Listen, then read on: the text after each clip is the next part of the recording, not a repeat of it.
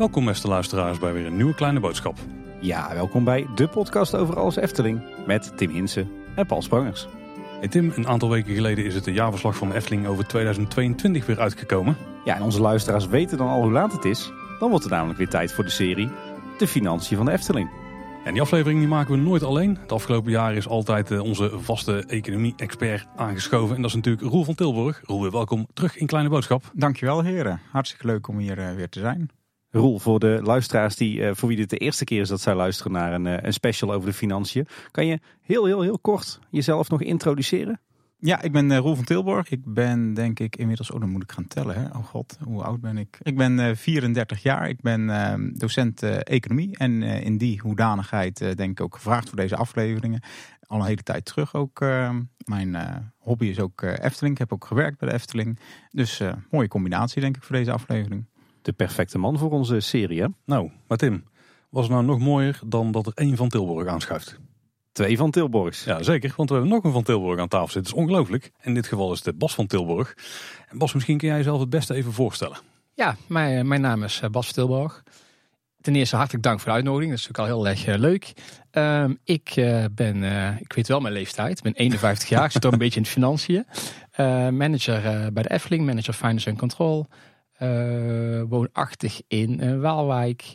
En uh, geboren en getogen, ja, ja, je zult het niet geloven, in Tilburg. hey. Geldt voor meer mensen aan tafel. Hey, en je werkt volgens mij al best wel lang bij de Efteling, toch? Ja, al heel erg lang. Um, ik ben in 1998 begonnen. heb ik een paar functies gehad binnen de Efteling. Uiteindelijk heel eventjes weg geweest, ergens anders gewerkt. En in 2001 uh, eh, weer uh, terug uh, op het nest. dus inmiddels al meer dan 22 jaar. En wat had jouw functie bij de Efteling in? Mijn functie houdt in uiteindelijk zorg dragen voor het huishoudelijk boekje van de Efteling. Dan het financiële boekje. de continuïteit van de Efteling waarborgen. Dus goed in de, in de gaten houden wat de risico's zijn. En proberen deze risico's, zeg maar kostbare risico's, te vermijden. Kijk, maar jij weet dus vrij veel van de inhoud van het jaarverslag van de Efteling. Ja, uh, het jaarverslag uh, wordt uh, in mijn team opgesteld. natuurlijk in overeenstemming met, met de accountant. en dat proces begeleid ik al jaren. En ik heb zelf ook inhoudelijk de jaarrekeningen vele malen gemaakt. Oeh, dan moeten we wel op gaan letten, heren. Want, dan kunnen we dus geen onzin meer gaan spuien over het jaarverslag. Want nu zit Bas erbij en die kan het gewoon allemaal meteen afschieten. Ja, we hadden al de expertise van Roel ingehuurd of ingeschakeld voor onze afleveringen. Maar nu hebben we gewoon de expert aan tafel natuurlijk. Nou, we zijn uh, zeer vereerd uh, dat je bij ons uh, komt vertellen, Bas, over, over de financiën van de Efteling en natuurlijk het, jaarverslag. Ik ben wel benieuwd, heb jij bij de Efteling altijd in de financiën gezeten? Ja, altijd in de financiën. Buiten het job natuurlijk, ja. Af en toe in het jaar een keer het park in en echt op de werkvloer staan. Maar in basis altijd financiën. Je vertelde net al dat je manager bent van de afdeling Finance en Control. Dat maakt jou denk ik naast uh, financieel directeur daarvan Baas wel de financiële man van het uh, bedrijf. Hè? Kun je eens wat, wat meer vertellen over de afdeling zelf? Je gaf net al een korte introductie, maar wie werken er allemaal en wat, wat zijn jullie taken en verantwoordelijkheden? Uh, de afdeling die bestaat uit drie teams. Eén team Business Control en Financial Control. Een team Support en een team Finance Innovatie. Nou, business control en financial control die houdt zich eh, voornamelijk bezig met het hier en nu en de toekomst van Efteling en ondersteunt het management. Uh, de afdeling support houdt zich bezig met procesverbetering, de salarisadministratie en de financiële administratie. Dus veel transactieverwerking.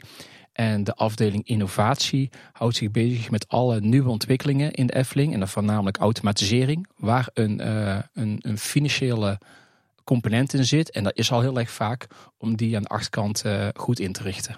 Was dan de relatie van jullie afdeling uh, richting de stichting en de Raad van Commissarissen? Ja, er is geen uh, directe relatie. de Efteling is, een, in, is een besloten vennootschap. En een besloten vennootschap heeft aandeelhouders. De Efteling heeft toevallig maar één aandeelhouder en dat is de, de stichting. Daarnaast is er een Raad van Commissarissen. De directie van de, van de Efteling die uh, moet verantwoordingen afleggen aan de Raad van de Commissarissen. Uiteindelijk is dat het toezichthoudend orgaan uh, uh, richting ook de aandeelhouder. En zoals we het even afbaken, dan eh, jouw werkzaamheden die zijn puur gericht op de BV. Puur gericht op de BV en op de financiële huishouding eh, van de BV. Nou, dus de stichting, dat is echt een totaal andere eh, groep mensen die zich daar met de financiën bezighouden. Ja. Bas, dan heb ik nog een vraag eh, aan jou. Wij kijken eh, al een paar jaar naar het eh, jaarverslag van de Efteling. Ik heb wel eens in een eerdere aflevering gezegd, het zijn vooral eindgetallen. Ehm, daar zit de hele wereld eh, ehm, achter. Dan vroeg ik me af, ehm, in hoeverre eh, houdt jullie afdeling zich daar ook mee bezig? Hè? Dus je kunt kijken naar wat er in een heel jaar is gebeurd of in een kwartaal is gebeurd. En gedurende dit jaar eh, de vinger aan de pols houden. Hoe ver gaat dat door? Kijken jullie ook op dagbasis bijvoorbeeld of een horecapunt voldoende omzet draait om open te blijven? Of ja, in hoever gaat dat door in jullie afdeling? Ja, dat gaat best wel eh, ver eh, door, eh, door, door de afdeling. Uiteindelijk moeten ten eerste alle transacties die verwerkt worden op een dag moeten gecontroleerd worden. Dat is een van de taken van, van de afdeling. Transacties, zoals je zegt, hè, dat is uiteindelijk data. En data is nog geen informatie. De omslag van data naar informatie, dat is een van de taken binnen de afdeling.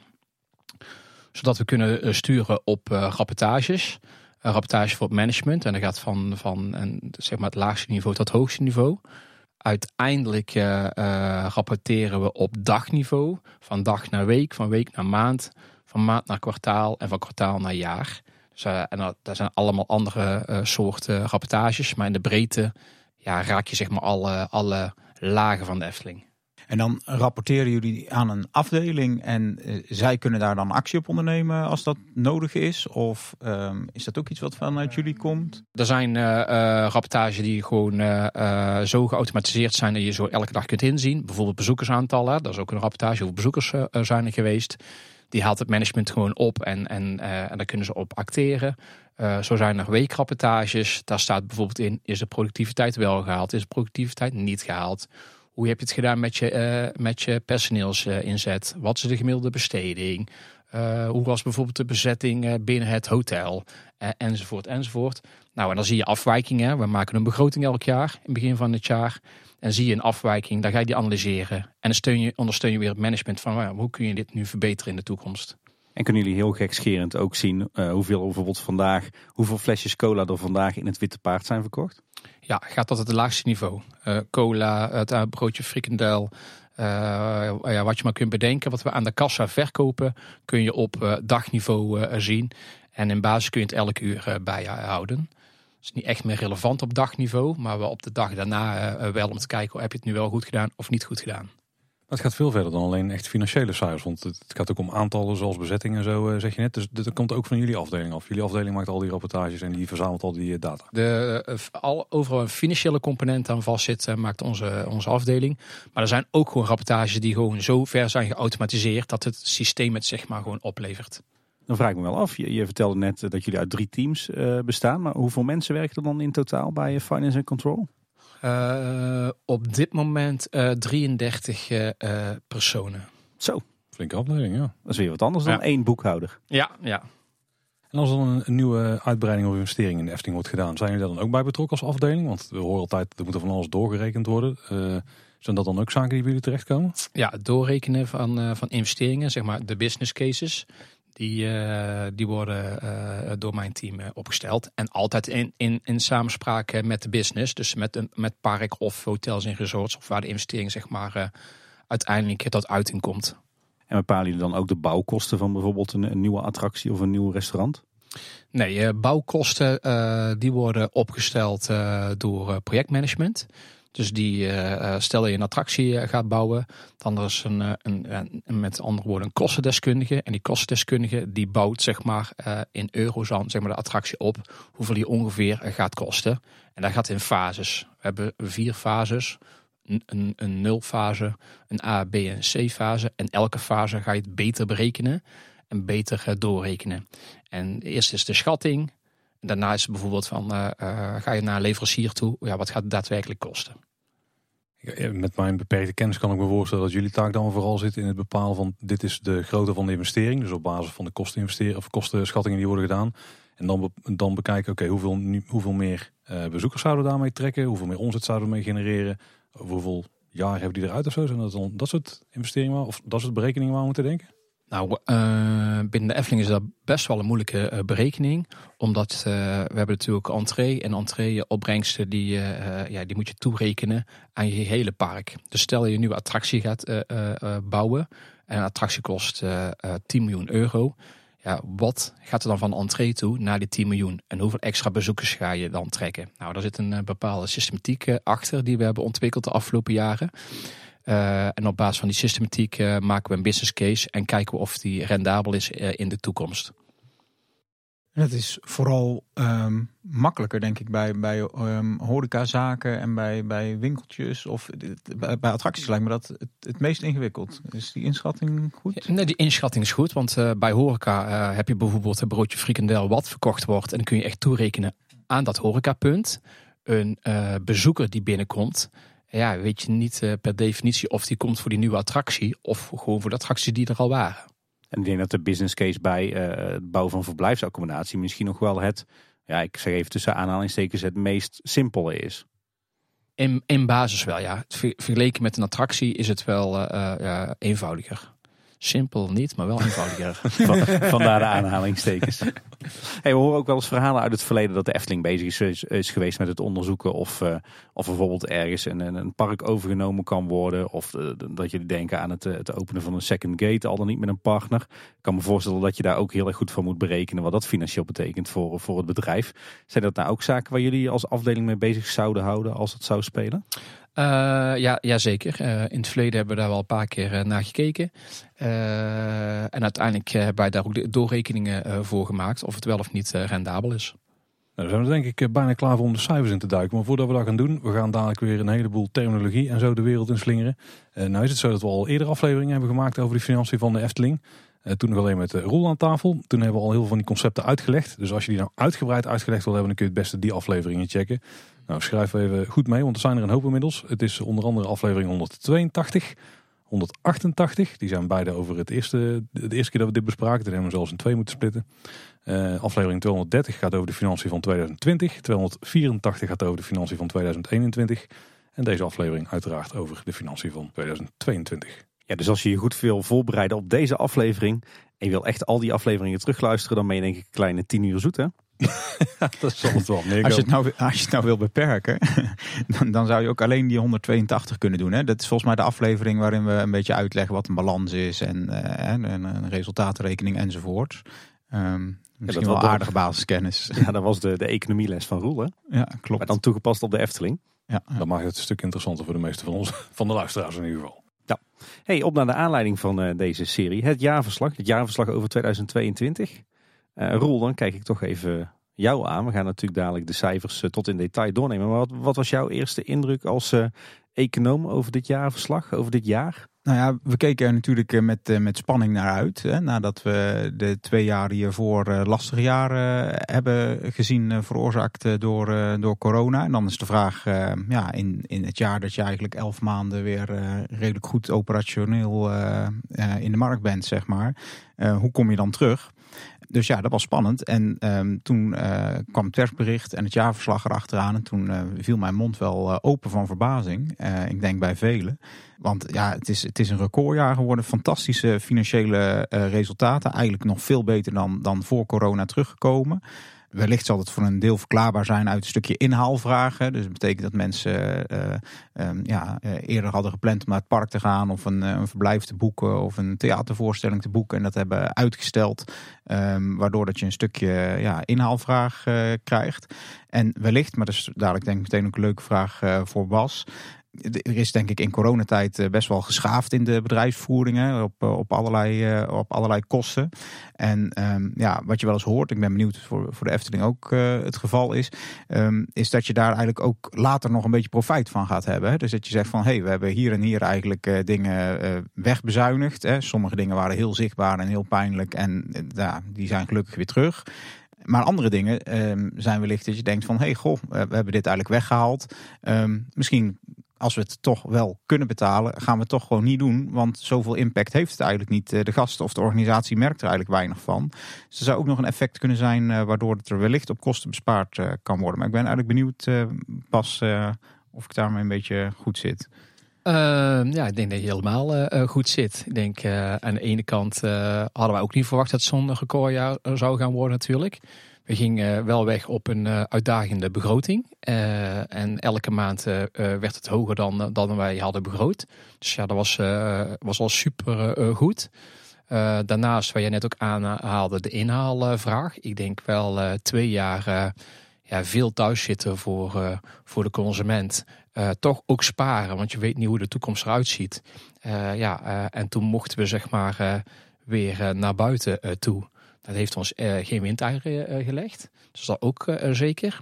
En een andere, het kostenaspect wat jij noemde. Ik denk dat we minder aan de kostenkant wat bezuinigingen in zitten of minder uitgaven, maar meer aan de investeringenkant. In 2020 en 2021 hebben we natuurlijk onze investeringsmotor stilgezet, grotendeels. En om die weer op te starten, daar heb je wel een, even een tijdje voor nodig. en dat zie je dan wel weer terug in de afschrijvingen, waardoor iets lager afschrijvingen dan verwacht, waardoor het resultaat weer iets hoger is. Maar vooralsnog, heel veel bezoekers, uh, verblijfsaccommodaties heel erg goed. En de gemiddelde bestedingen heel erg hoog.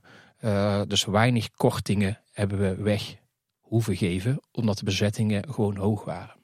Ik las in het jaarverslag ook nog wel een interessante kanttekening vanuit de Raad van Commissarissen. Uh, die schrijven namelijk, uh, in 2022 werd de Efteling geconfronteerd met een nieuwe werkelijkheid waarin energie, kapitaal en arbeidskrachten niet meer volop uh, voorhanden zijn.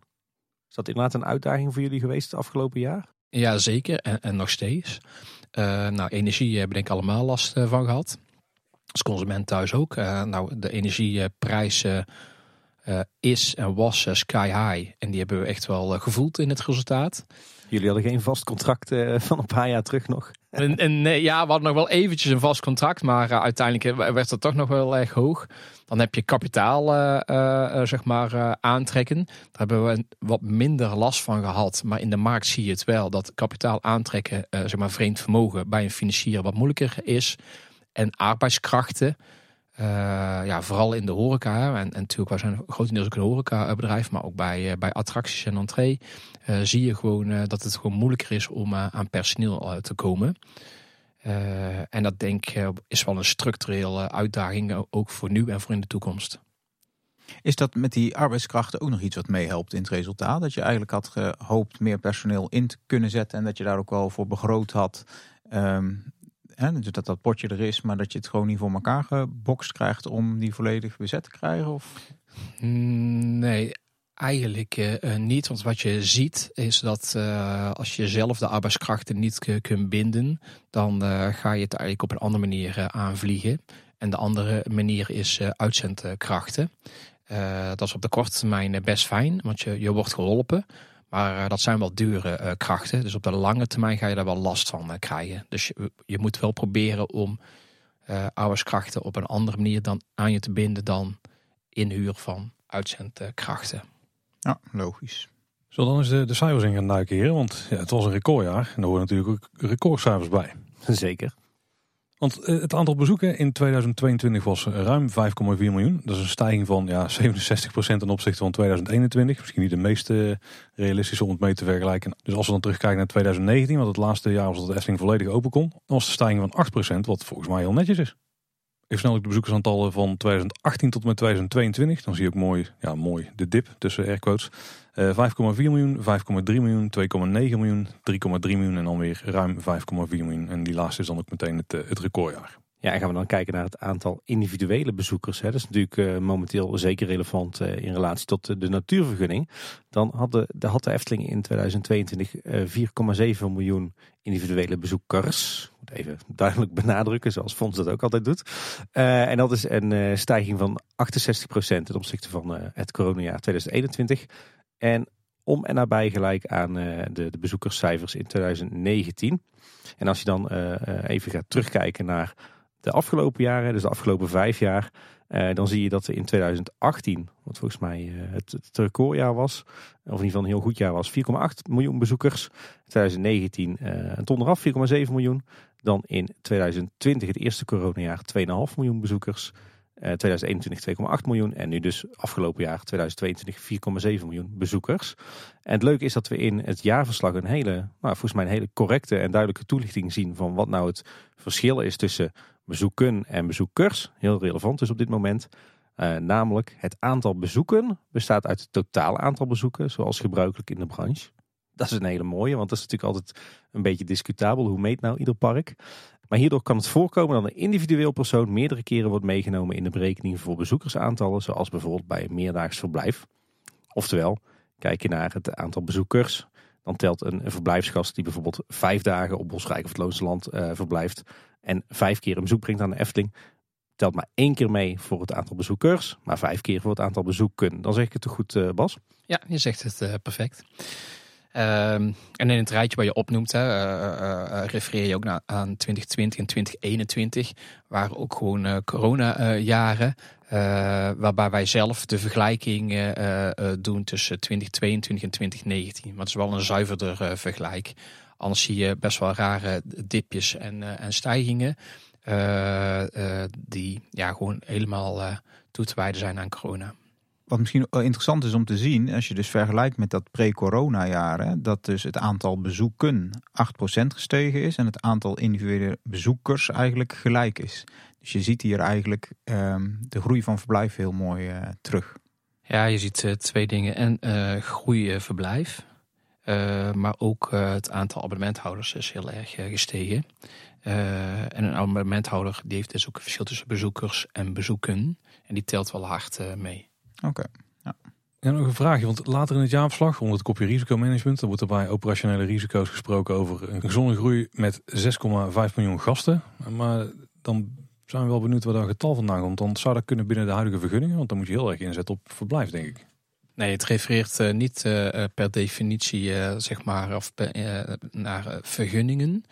Maar uiteindelijk willen we groeien. En om te groeien, dus stel dat we naar die 6,5 miljoen gaan eh, groeien, dan zullen we ook aan een bepaalde verplichtingen eh, moeten voldoen.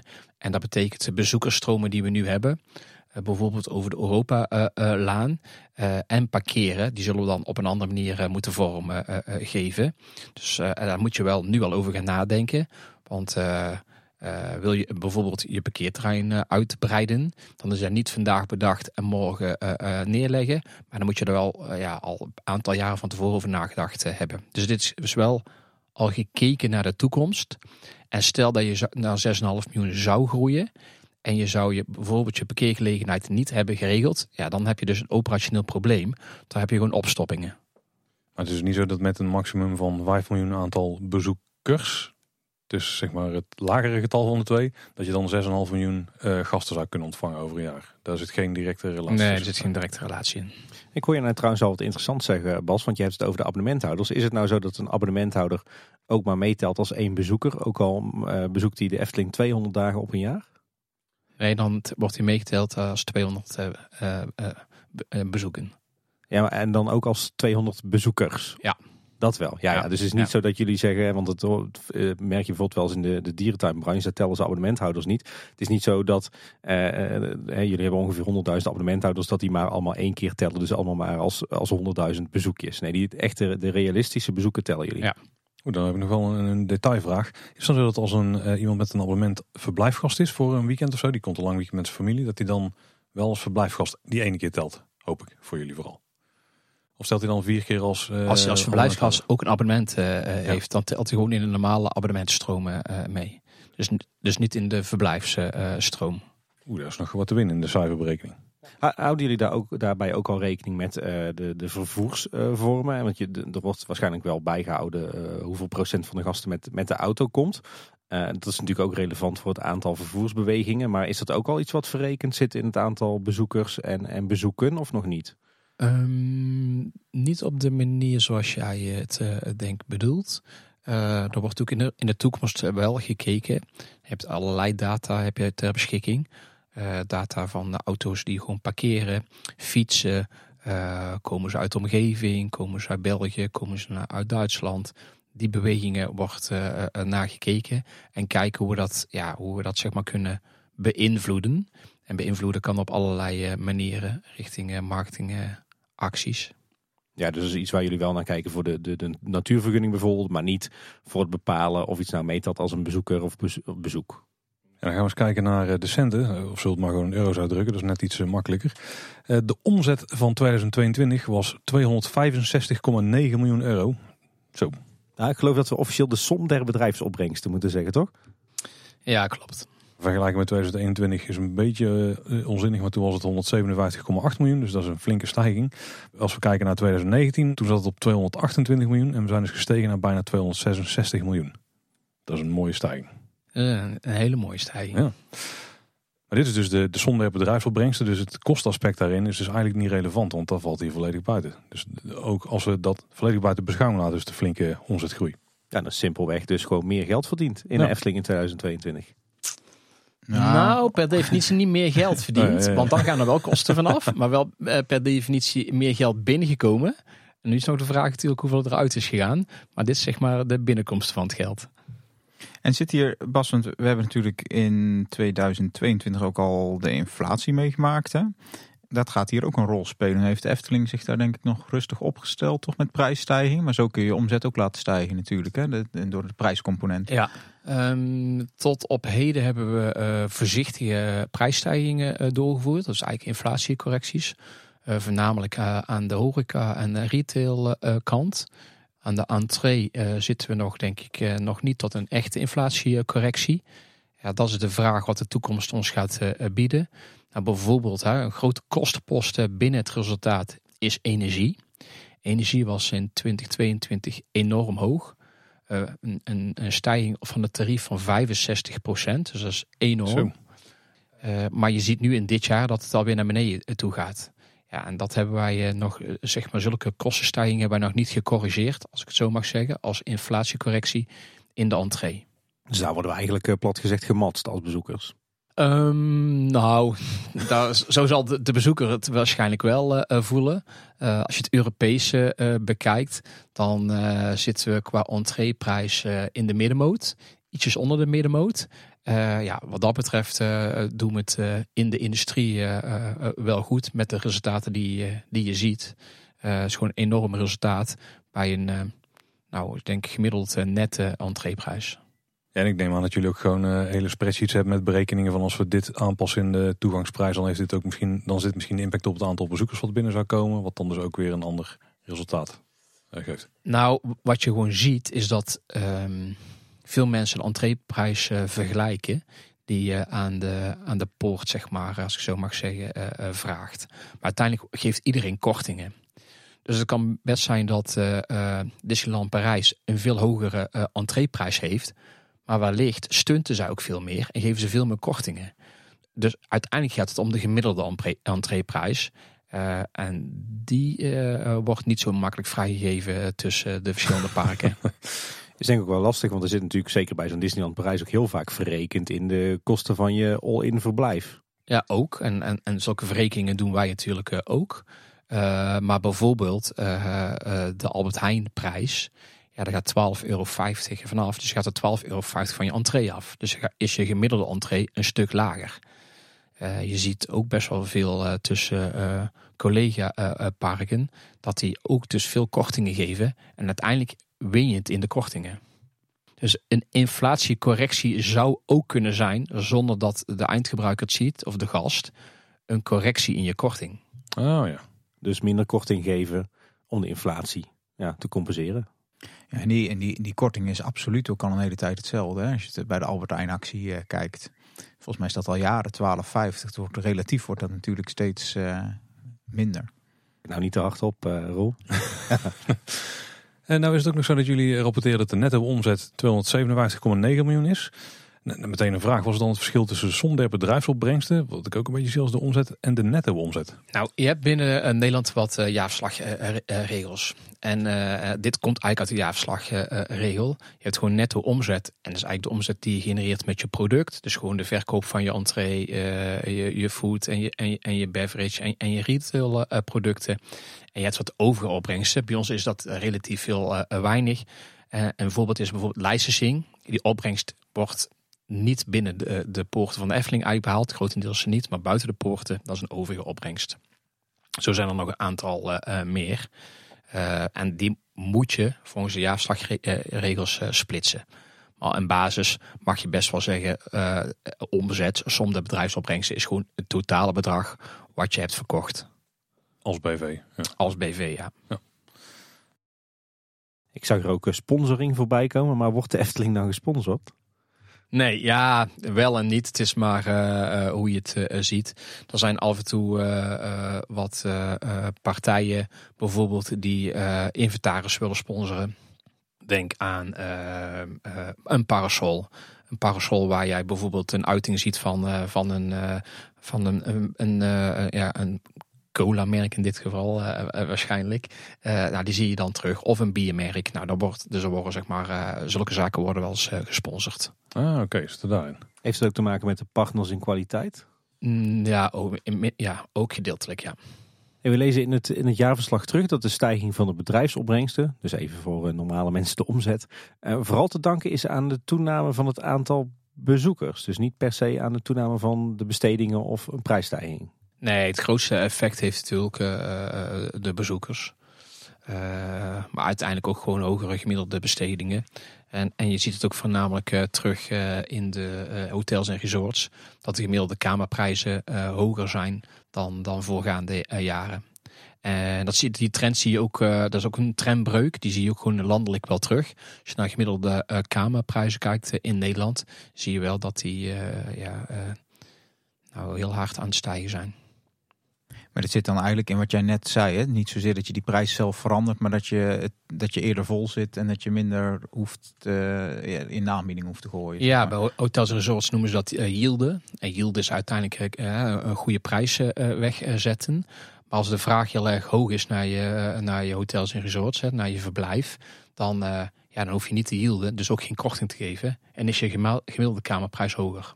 Ja, we lezen in het verslag ook over de verdeling van de bedrijfsopbrengsten. Dat is uh, wel leuk. Dan zien we dat het, uh, het park uh, 211,5 miljoen euro opbrengt. Dat is 82% van de totale omzet. Dus dat is echt significant. Het is gestegen met 71% ten opzichte van het jaar daarvoor. Um, het Efteling Hotel uh, zet 12 miljoen euro om. Dat is 5% van de totale omzet. En dat is dan weer met 69% gestegen ten opzichte van 2021.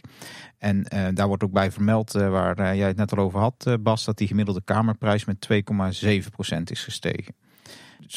Zo'n prijs, hè? dus um, entree, een kamer of een, een, een huisje, karo, horeca. Hoe stellen jullie dit eigenlijk vast binnen de Efteling? Het is een korte vraag, maar waarschijnlijk een heel lang antwoord. Maar hoe, hoe bepaal je nou, laat ik maar eens gewoon beginnen met de entreeprijs dan. Hoe, hoe, hoe bepaal je die? Ja, dat is een uh, makkelijke vraag en uh, een moeilijk uh, antwoord. Uiteindelijk kijk je naar marges. En, en je wilt natuurlijk je marge behalen. En marge kan zijn een bruto marge. Dus eigenlijk je omzet minus directe kosten. Maar het is uiteindelijk ook het resultaat wat je gaat behalen. Nou, daar zitten heel, uh, hele formules uh, zitten daar achter. En uiteindelijk kom je gewoon op een gemiddelde entree uit. Maar je kunt best wel benchmarken met, met jouw con-collega's die ook een, prijs hanteren. maar uiteindelijk is het, ook weer heel makkelijk. Heb je een investering van 100 miljoen euro, moet je 100 miljoen euro terugverdienen met het aantal bezoekers en een, en, en een entreeprijs eraan vast. Heb je een investering van 50 miljoen euro, dan is het de helft om het heel simpel eh, te houden. Dus hoe meer investeringen we doen. En als de bezoekers achterblijven, dan zul je iets met je entreeprijs uh, moeten gaan doen. Krijg je meer bezoeken dan verwacht, ja, dan kun je uh, je, je entreeprijs stabiliseren of zelfs misschien omlaag brengen. Zonder per se looptijden te noemen of zo. Maar is het ook nog zo dat, grotere investeringen, dat jullie daar standaard een wat langere uh, terugverdientijd dan voor, voor rekenen? Of bijvoorbeeld een horecapuntje een stuk minder dan een attractie? Is een methode uh, voor die gewoon uh, terugrekent je toekomstige kassenstromen naar, situatie, naar je huidige situatie. en als die positief zijn, dan kun je daaruit weer je terugverdientijd halen. Maar het is niet per definitie dat een investering binnen vijf jaar terugverdiend oh, okay. of binnen zeven, binnen zeven jaar. Dus dat, is een andere manier van berekenen. Dus als de tijdlijn voor jullie acceptabel is, dan is de investering krijgt een groen vinkje. Ja, hij moet waarde toevoegen, de investering. Uh, dat is dan een positieve business case, zoals wij het noemen. Uh, voegt het waarde toe, dan kan de investering in ieder geval op financiële uh, uitgangspunten doorgaan. Ik vermoed dat dit soort afwegingen met, met 101 variabelen, dat daar hele ingewikkelde Excel-bestanden met allerhande formules uh, uh, en allerhande waarden en cellen die aan elkaar geknoopt uh, zitten, dat het daaruit bestaat. Ja, uiteindelijk is het heel erg ingewikkeld, maar het is ook een vakgebied en daar heb je ook ja, zeg maar je studie voor gedaan. Dus uiteindelijk, ja, ik vind het heel moeilijk om om een broodje uh, te bakken. Ik ben geen bakker, dus dat lijkt dan ook heel erg moeilijk. Hoeveel meel moet ik erin doen en hoeveel moet er suiker in? Ik weet het niet. Hoeveel suiker uh, moet erin? Ja, en, en voor een ander is dat bij, uh, bij cijfers. Uiteindelijk ja, is het je vakgebied. Dus is het redelijk eenvoudig. ja, we nemen het van je aan. Ja, dan gaan we verder, want we hadden het park uh, gehad en het Efteling Hotel. We hebben natuurlijk Efteling Bosrijk nog. Die heeft uh, eh, 23,4 miljoen euro omgezet. Dat is 9% van de totale omzet uh, en een stijging van 70% ten opzichte van 2021. En Interessant is ook nog dat daarbij de bezettingsgraad op 71,4% ligt. Dus de bezettingsgraad wil eigenlijk zeggen um, in hoeveel procent van de tijd eh, de bedden gevuld zijn. En dat was in 2021 61,4%. Dus dat is ook uh, ja, 10 procentpunt uh, toegenomen. En de gemiddelde kamerprijs bij Bosrijk die is gestegen met 5,4%. Dat is trouwens ook interessant. Hè? Want we zien die bij het Efteling Hotel is met 2,7% eh, toegenomen. En Bosrijk dus eh, bijna, ja, bijna twee keer zoveel. Besteding per gast is wel gedaald bij Bosrijk met 1,7%. Heb jij een verklaring daarvoor, Bas, dat die kamerprijs bij Bosrijk uh, zoveel sterker is gestegen gemiddeld? Heeft dat met vraag en aanbod te maken? Het yielden waar jij het nee, Ja, heeft zeker met uh, vraag en aanbod te maken. Uh, er zit sowieso een, een seizoenspatroon natuurlijk in, in, in je bezettingsgraad. Uh, maar in het hoogseizoen, uh, en dat is best wel een lange periode uh, tegenwoordig, zitten we nou op 98, 99, 100% bezetting. ja, en dan, dan kun je dus niet meer meer kamers verkopen. En je kunt dan je maximale kamerprijs zou je kunnen behalen. En dan zitten we best wel vaak al op. Ook van een van de argumenten natuurlijk om een, nog een hotel te bouwen. Er zijn meerdere argumenten voor, maar een van de argumenten is wel dat we gewoon uh, in, de, uh, in het hoogseizoen meer bedden kunnen vullen. Valt me bij eigenlijk wel op dat, dat de bezettingsgraad in 2021 in een coronajaar nog niet eens zo gek slecht was. Hè? 61% in een coronajaar en het afgelopen jaar 71%. Dus Bosrijk heeft eigenlijk tijdens uh, corona nog best goed doorgedraaid.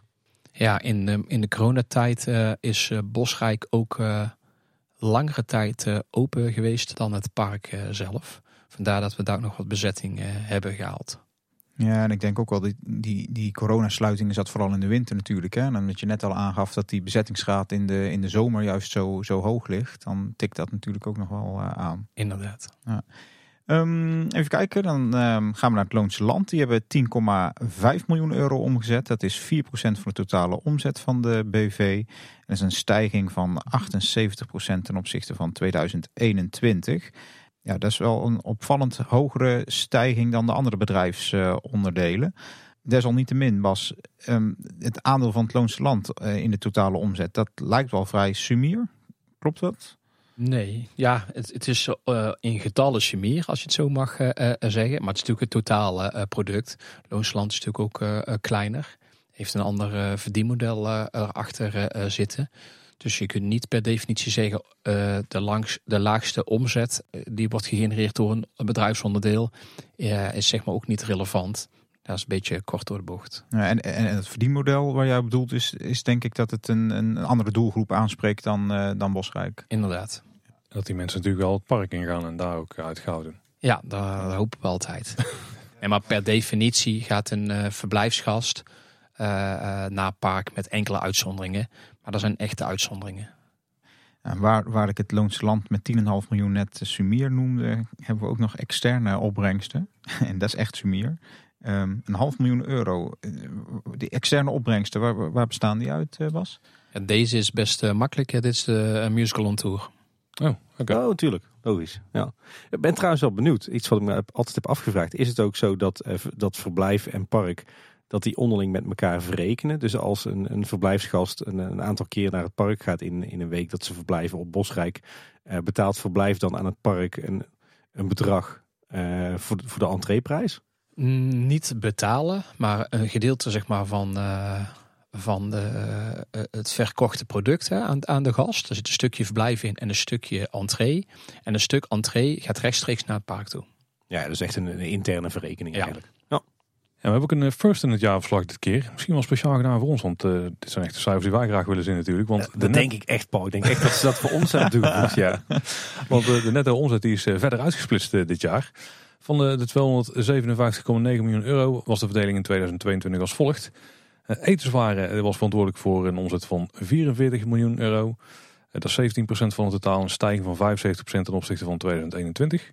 Eh, dranken waren verantwoordelijk voor 19,9 miljoen euro. Eh dus 8% van het totaal. Dus ja, de horeca in totaal was ongeveer 25% van het totaalomzet. Dan eh, retail was 18,9 miljoen euro, 7% van het totaal. En dan toegang, dat is de grote klapper, 141,4 miljoen euro. Dat is 55% van het totaal, dat is echt flink. Dan komt het tot een gemiddelde ticketprijs per bezoek van 26 euro. Maar dat is natuurlijk wel inclusief de abonnementhouders. Maar de abonnementhouders gelden zitten denk ik ook bij die 141,4 miljoen. Bas? Inderdaad, ja, de, bij de toegang, de onder- 141,4 miljoen is inclusief eh, abonnementhouders. Maar het aantal bezoekers is ook inclusief abonnementhouders. Dus je kunt het eh, berekenen. En als we dat zo doen, dan denk ik dus dat de abonnementhouders vrij vaak gebruik maken van een abonnement. Laten we het daarop houden. Ik denk dat wij het vooral heel erg scheef trekken. Vlugge conclusie inderdaad. Nou, jullie zijn Efteling liefhebbers, heb ik begrepen. Dus eh, ik- ik ga er toch vanuit dat jullie gemiddeld meer dan 20 keer gaan. Nee, zeker. Dus ja, tel uit je winst. Per maand, Tim? Of? Sommige, sommige maanden wel. Ja, precies. Maar, maar wel goed denk ik voor onze luisteraars om te beseffen. hè, Er wordt natuurlijk wel eens gemopperd op de entreeprijs van de Efteling. Dat, die, eh, ja, dat de entree van Efteling duur is. Maar uiteindelijk gemiddeld genomen verdienen jullie dus maar... Of er komt er maar 26 euro binnen per bezoeker. Eigenlijk een hele lage entreeprijs. Ja, maar het mooiste zou zijn als je deze twee kunt splitsen eh, in twee getallen. Wat is de gemiddelde individuele entree en wat is de gemiddelde entree vanuit de abonnementhouders. Zou ik een, een zuiverder eh, vergelijk eh, vinden. Die kun je helaas nog niet terugrekenen. Dan moeten jullie ook de cijfers opnemen volgend jaar. Zodat we dat wel kunnen doen. Daar hebben we geen probleem mee. Maar een van de, de, zaken die jullie goed hebben gezien is dat eh voorgaande jaren deze uitsplitsing er niet was. Van etenswaren en logies en entree. Eh, dit is ook een nieuwe verslaggevingsvereiste. eh, dat we deze eh, moeten uitsplitsen. Vandaar dat die ook is uitsplitst. Even een vraag daarover dan. Is dat dan per branche vastgelegd of zo dat je dat moet uitsplitsen? Want dat is voor ieder bedrijf anders natuurlijk. Ik verwacht niet dat het per branche is, maar ehm, eh, het is gewoon een algemene verslaggevingsregel. Dus als kostencomponenten groter zijn dan x procent van de omzet of zo, dan moet je ze uitsplitten. Nee, ja, het zijn, ik weet niet exact de regeling en waarom het nu eh, opgenomen is. Eh, maar elk bedrijf kan natuurlijk ook gewoon zeggen netto omzet, punt. En elk bedrijf kan hem ook opsplitsen in netto omzet ja, in de gebieden waar zij in zitten en in de branche. Nou, wij houden er van, dus dit mag er zeker in blijven. Eh logies is ook nog een puntje wat natuurlijk in het lijstje thuis hoort. Dat is 33,7 miljoen. Die hebben we net eigenlijk ook al besproken. Dus 13% van het eh, totaal. Viel mij omdat dat eh, voor mijn gevoel best wel laag is. Of althans een klein aandeel van de omzet. Want je zou zeggen de Efteling zet vol in op, op verblijf, hè, op de resorts. Eh, ja, voor je gevoel zijn dat echt de plekken waar echt flink geld wordt verdiend. Daar wordt het flink uitgegeven. Maar dat is maar een klein, klein puntje van de taart eigenlijk. Eh, ja, ik vind het best een grote punt. Ja, ik heb het zelf niet, maar Eh, ja, eh, ja het, het is allemaal natuurlijk in, in perspectief. Maar uiteindelijk willen we dat deze taartpunt groter wordt. Maar het is steeds nog een, een grote taartpunt. Uiteindelijk willen we dat deze groter wordt om de vaste kosten terug te verdienen. Dat je een dagelijkse goede bezetting hebt van, van het park. Dit, dit is puur het verblijf. Hè? Dus als mensen nog iets gaan eten, bijvoorbeeld eh, bij een van de verblijfsaccommodaties, dan valt dat weer onder de horecakopje. Ja, daar valt dan weer onder etenswaren. Dus het is, je kan het als iets groter zien, Tim. ja, en er is natuurlijk ook wat van afgesnoept. eh, als we het dan toch over die taart hebben. Wat betreft de entree. Oh, hier. Stiekem taartpunt, taartpunt toch groter dan gedacht. Ja, dus inderdaad, het is ja. specifiek logies, eh, horeca, eh, retail, entree. Eh, als de horeca in ieder geval en de retail eh, niet in eh, hotels en resorts is eh, eh, afgehaald of eh, genuttigd, dan, dan behoort hij toe aan het park en wordt hij daar gerapporteerd. Maar uiteindelijk is het wel een verblijfsgast. Ja, dan, dan is het dus best een forse punt. Hè? 13% puur voor de bedden eigenlijk dan. Ja. Dan, dan tikt dat wel aan. Ja. Ja, dan hebben we eigenlijk nog een, een post waar we zelf wel benieuwd naar zijn, waar die dan precies onder valt. De parkeerinkomsten Ja, parkeren valt ook eh, onder entree. Onder de toegang. Kijk, Ja, onder toegang. we zitten bij verblijf natuurlijk weer in, Tim. Daar wordt het alleen maar groter. Iets anders wat we teruglezen in het jaarverslag is dat er in eh, 2022 54.730 boekingen voor een hotelovernachting waren en 18.726 voor overige overnachtingen. Viel maar wel op, want er worden dan zoveel meer hotelkamers geboekt dan eh, de huisjes in Boswijk en het Loonse Land. Eh, nee. Eh, er zijn wel meer hotelkamers, uh, gewone verblijfskamers. maar het gaat om boekingen. En hotelkamers is heel vaak één nachtboeking. Oh. En de verblijf is meerdere nachten. Dus één boeking voor drie nachten in hotels en resorts is één boeking. En vaak bij hotels is het gewoon ja, dagverblijf, één nacht. Vandaar dat je zo die grote afwijking ziet, als je het een afwijking mag noemen. Oh, ja, dat zit, wel. ja, dat zit echt in, in het, het aantal boekingen. Dat wordt gedaan, niet in de duur inderdaad. Exact. En we lazen ook dat de gastbestedingen met 3,2% zijn toegenomen ten opzichte van, uh, van vorig jaar, van 2021 dus. Dat is best opvallend, want het is natuurlijk drukker geworden. En voorgaande uh, jaarverslagen zagen dat als het aantal bezoekers uh, steeg, dat dan de besteding per bezoeker weer een beetje daalde. Maar hoe, hoe kan je die, die stijging verklaren? Grotendeels door betere bestedingen in de, in de horeca en retail groot gedeelte in de retail. Die hebben het heel erg goed gedaan in, in 2022. Uh, en een stukje effect zit er ook in dat we in 2020 en in 2021 de abonnementsgelden, toen we dicht waren met corona, we hebben teruggegeven aan onze bezoeker. Heeft ook zo'n weerslag gehad op de bestedingen in de parken uiteindelijk. Oké, ik dacht het is volledig toe te schrijven aan Bekkerij Krummel, maar dat valt nog mee dan. Dat valt nog mee. Of moet zijn dat jij er heel vaak bent geweest. Uh, daar kan ik niet ontkennen. Ik kan het zeggen, dat is vooral als je naar je eigen portemonnee kijkt, Paul, denk ik. Naast de, de, de opbrengsten hebben we natuurlijk ook bedrijfslasten, de, de kosten eigenlijk. Hè. En die waren 217,4 miljoen euro. En uh, dat was een jaar eerder nog uh, 140,4 miljoen euro. Dus die zijn flink gestegen met 55 uh, procent. De omzet die steeg gelukkig harder. Dat was met 68,5 procent. Vandaar dus die, die goede winst. Um, oorzaak van de stijging van de kosten um, wordt benoemd als meer inzet van personeel. Uh, de coronasteun die weggevallen is, overigens was die in het jaarverslag van 2021 wel in mindering gebracht op de, op de kosten. En als we dan gaan kijken hoe die 217,4 miljoen euro verdeeld is, dan krijgen we een heel lijstje met, uh, met posten. Uh, kosten van grond- en hulpstoffen, dat was 26,5 miljoen euro. Kun je toelichten, Bas, wat daar allemaal onder valt? Energie, denk ik? Nee, geen energie. Kijk, ook in de jaarverslagregels is er een, een, een, een, format waarin je moet rapporteren. Ook om, om bedrijven met elkaar te kunnen vergelijken. Kost van, uh, kosten van grond- en hulpstoffen is in dit geval gewoon inkoopwaarde. En het grootste gedeelte is dat uh, food en beverage en retail. De frikandellen dus. Ja, de frikandellen, ja. kroketten en colaatjes. Lekker. Um, dan hebben we de overige externe kosten. Die zijn 6,1 miljoen euro. Wat, wat moeten we daar dan uh, bij verwachten? Daar zitten uh, onder andere bijvoorbeeld in uh, commissiekosten. Dus als je entree-kaarten verkoopt bij wederverkopers, bijvoorbeeld Albert Heijn, daar betaal je er ook een commissiebedrag voor. Maar zet je je kamers bij externe partijen neer, daar betaal je er ook commissie voor. Dat is onderhand post. En verder, als wij een partij hebben, een evenement, en je maakt kosten voor dat evenement, dat is ook een soort inkoopwaarde, dan staan die ook daar. Hm, helder. Gebeurt dat veel? Dat het, um, ik heb al het idee van mensen gaan gewoon naar efteling.com en boeken een kamer. Maar dat is misschien omdat het in Nederland heel bekend is en dat je in het buitenland toch meer via externe partijen moet aanbieden? Of hoe, uh... Ja, je hebt natuurlijk een uh, groot gedeelte, toch best wel een groot gedeelte nog externe partijen. Maar de grootste post die daar toch wel in zit, is Albert Heijn. Maar bijvoorbeeld een andere post die hier ook in zit, is dat wij uh, uh, kosten moeten betalen aan, aan de gemeente. dat zijn ook eigenlijk directe kosten, want dat is de kosten die je moet betalen voor, voor je, ja, voor je entreegasten. die zitten bijvoorbeeld ook in deze posten.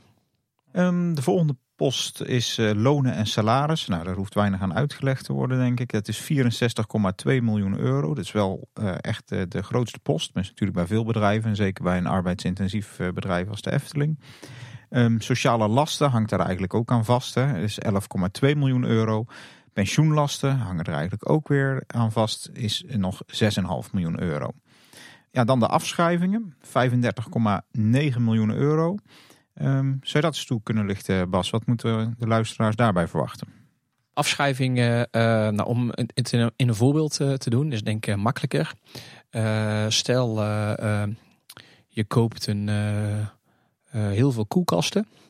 En die koelkasten kosten bij elkaar eh, 90.000 euro. Dan moet je vandaag dus 90.000 euro uitgeven. Dat is een uitgave van 90.000 euro. Maar die koelkasten gaan drie jaar mee. Dan moet je die kosten toebedelen aan die volgende jaren. Dus dan doe je het ene jaar 30.000 euro toebedelen. Het volgende jaar ook 30.000 euro. En het jaar erop ook 30.000 euro. Dus je zegt dan eigenlijk, ik investeer ieder jaar 30.000 euro voor de koelkasten. Nee, je investeert dan 90.000 euro. Dat gaat via de balans. En 30.000 euro moet je toerekenen in je resultaat. Dat zijn afschrijvingen. Ah, ja. Eh, dus wat hier staat, is van alle investeringen die we hebben gedaan in het jaar 2022 en al die jaren daarvoor, hebben we in 2022, hoeveel is het? 35,9 miljoen afgeschreven. En dan zijn een beetje de communicerende vaten, eh, en ik weet niet of Roel dat de voorkeur heeft uitgelegd, tussen de balans en, en de resultatenrekening. Heb ik getracht in ieder geval het te doen of het aangekomen is. Ja. Jawel. Ja. Nee, anders zou je ook eigenlijk, ehm, als je een, een attractie bouwt van 35 miljoen of zo, dan, dan krijg je wel een heel negatief jaar als je dat alleen maar op dat ene jaar toerekent natuurlijk. En dan Ja. krijg je ehm, ja, ook niet echt een goede lijn, denk ik, in de loop der jaren om getallen te vergelijken. Omdat je zo'n zo'n investering ook niet ieder jaar kunt doen. Maar het, het is- geen eh, keuze. Het is een, het is een, het is een, eh, boekhoudregel. Een verslaggevingsregel die ook gewoon verplicht is. Dat, dat, is, ja, dat hoort zeg maar bij het vakgebied eh, eh, eh, boekhouden. Volgende kostenpost, algemene beheerskosten. Dat is 11,9 miljoen euro. Dat is nog fors voor iets algemeens. Wat, wat ehm, is dat, Bas? Algemene beheerskosten, daar zitten bijvoorbeeld in kosten voor software, hardware, kosten voor verzekeringspremies, zakelijke lasten die je moet betalen aan, eh, aan overheidsinstellingen, dus de gemeente, maar kan ook zeg maar, bijvoorbeeld waterschapsbelasting zijn of rioolrechtheffingen. Van zulke zaken moet je eh, zitten eh, in de post algemene kosten, waarbij software, hardware en verzekeringspremies wel de, de, de grotere kostenposten zijn. Ja, ja, dat geloof ik. Ja. Exploitatiekosten is de volgende is 18,6 miljoen euro. Ja, ook daarbij weer de vraag, wat, wat valt daar dan onder? Nou, jij had het net over eh, eh, bij die grondhulp en, eh, grondhulp en grondstoffen. Hoe was het? Grond- en hulpstoffen. Grond- en hulpstoffen. Toen zei je energie. Nou, die zat daar dus niet. Maar die zit bijvoorbeeld wel hier in, in deze post. Nou, energie was in, in 2022 heel erg hoog. Dus dat is de grootste kostenpost of kostenstijging die we hebben gehad in eh, 2022. Maar bijvoorbeeld ook schoonmaakkosten bij hotels en resorts. Zit hier ook in. Kosten voor eh, dat je mag en kunt eh, pinnen bij, eh, bij de betaalautomaten. hè. Daar betaal je ook kosten voor. En die trant zitten exploitatiekosten. Nou, ook helder. De volgende post is, is makkelijk. Het zijn de entertainmentkosten. Het was 7,8 miljoen euro. En het was een jaar eerder eh, nog 3,7 miljoen euro in het, in het coronajaar. Dus het entertainment is volgens mij weer eh, qua budget redelijk terug waar het, eh, waar het was. Herinner ik me nog van een paar jaar geleden. Merken we ook in het park. Hè? Ja, zeker. Ja, ja, ja. Marketing en communicatie. Oh, trouwens, nee. ehm, even nog over die entertainmentkosten heb ik nog wel een vraag aan Bas. Ehm, is dat dan eh, in de brede zin des woords, zeg maar, van eh, hoort, hoort Caro daar ook bij? En bijvoorbeeld een externe theaterproductie, zoals je net aanhaalde, zit dat allemaal in die entertainmentkosten? Of, of een Ravelijn of, of eh, Aquanura. Aquanura? Wat, wat valt daar dan allemaal precies onder? Ja, al die, eh, die posten die u net opnoemde, die zitten gewoon in entertainmentkosten. Overal waar je entertainment ziet lopen, het zichtbare entertainment zal ik het eh, maar noemen, die zit in deze eh, eh, eh, eh, post. Maar het zou ook, eh, er zijn wel uitzonderingen, maar het zou bijvoorbeeld ook kunnen een podium. Of eh, een inhuur van een podium of inhuur van een tent die je nodig hebt. Of eh requisieten van zulke zaken eh, zou ook in deze post kunnen zitten. Nou ja. Is het nou zo wat denk ik veel mensen denken dat een groot deel van die entertainmentkosten eigenlijk opgaat aan Ravelijn en Aquanura? Juiste constatering. Maar ik kan me voorstellen in 2022 dat dus ook uh, Efteling Wonderland onder viel. Ja, ook inderdaad. Ja. Als er bijvoorbeeld uh, grote uitkopen zijn door, uh, door bedrijven of andere feesten, evenementen enzovoort, dan, dan valt daar het entertainment ook onder deze post of wordt dat nog wel apart gezien? Nee, dan valt het in die post die ik hier zojuist nog noemde. Dan is je eigenlijk rechtstreeks toerekenbaar aan de omzet en dan valt hij in de directe kosten. Nog een kostenpost is marketing en communicatie. Daar ging 7,9 miljoen uh, euro naartoe. Waarvan een kleine miljoen om uh, kleine boodschap te vetteren natuurlijk. nou, was dat maar zo Tim. Die studio is hier zo royaal. En dan moeten we denken, denk ik aan uh, tv-reclames, uh, sportjes. Uh, of, of mag je geen sportje noemen trouwens, weet ik. dat, ja, commercials. de vele op allerlei manieren waarbij media in de media terechtkomen. En dat is ook in de social media, dat kost natuurlijk ook geld. Die vallen hier ook in. Het kunnen allerlei activiteiten zijn. Even een detailvraag. De mensen die bijvoorbeeld op de webcare zitten, um, die loonkosten vallen die dan onder marketing en communicatie of vallen die gewoon onder loonkosten? Die vallen gewoon onder loonkosten. Nog een post die we zien staan is materiaal en contracten van derde, 11,9 miljoen euro. Wat moet ik me daarbij voorstellen? Als je een attractie gaat bouwen, je koopt dingen bij anderen in of... Nee, want uh, als je een attractie zeg maar uh, bouwt, dan hebben we het weer over investeringen en afschrijvingen. Dus dan krijg je die systematiek. Maar uh, bij materiaal en contracten derde, dat is, de grootste post die daarin zit, is normaal onderhoud. Dus alle onderhoudswerkzaamheden die worden gedaan aan, aan attracties, horeca, retail, hotels en resorts. Die valt onder deze post. En zoals hij ook zegt, dat is enerzijds materiaalinkoop die je nodig hebt. En anderzijds uh, uh, contracten die je hebt met derden die hier uren komen uitvoeren. Dus als je een elektra-werkzaamheden hebt, dan heb je elektraleidingen waarschijnlijk nodig. Dat is dan materiaal. Maar je hebt ook iemand die de elektra komt aansluiten. Die valt in een contract derde. Maar dat gaat dus echt alleen om het, het, normale onderhoud. Dus inderdaad de, de kleine onderhoudswerkzaamheden. De dingetjes die je, daar, die je jaarlijks doet in, in een gebouw bijvoorbeeld. Ja, maar als we het dan hebben over kleine en grote taartpunten, dan is dit wel een grote taartpunt.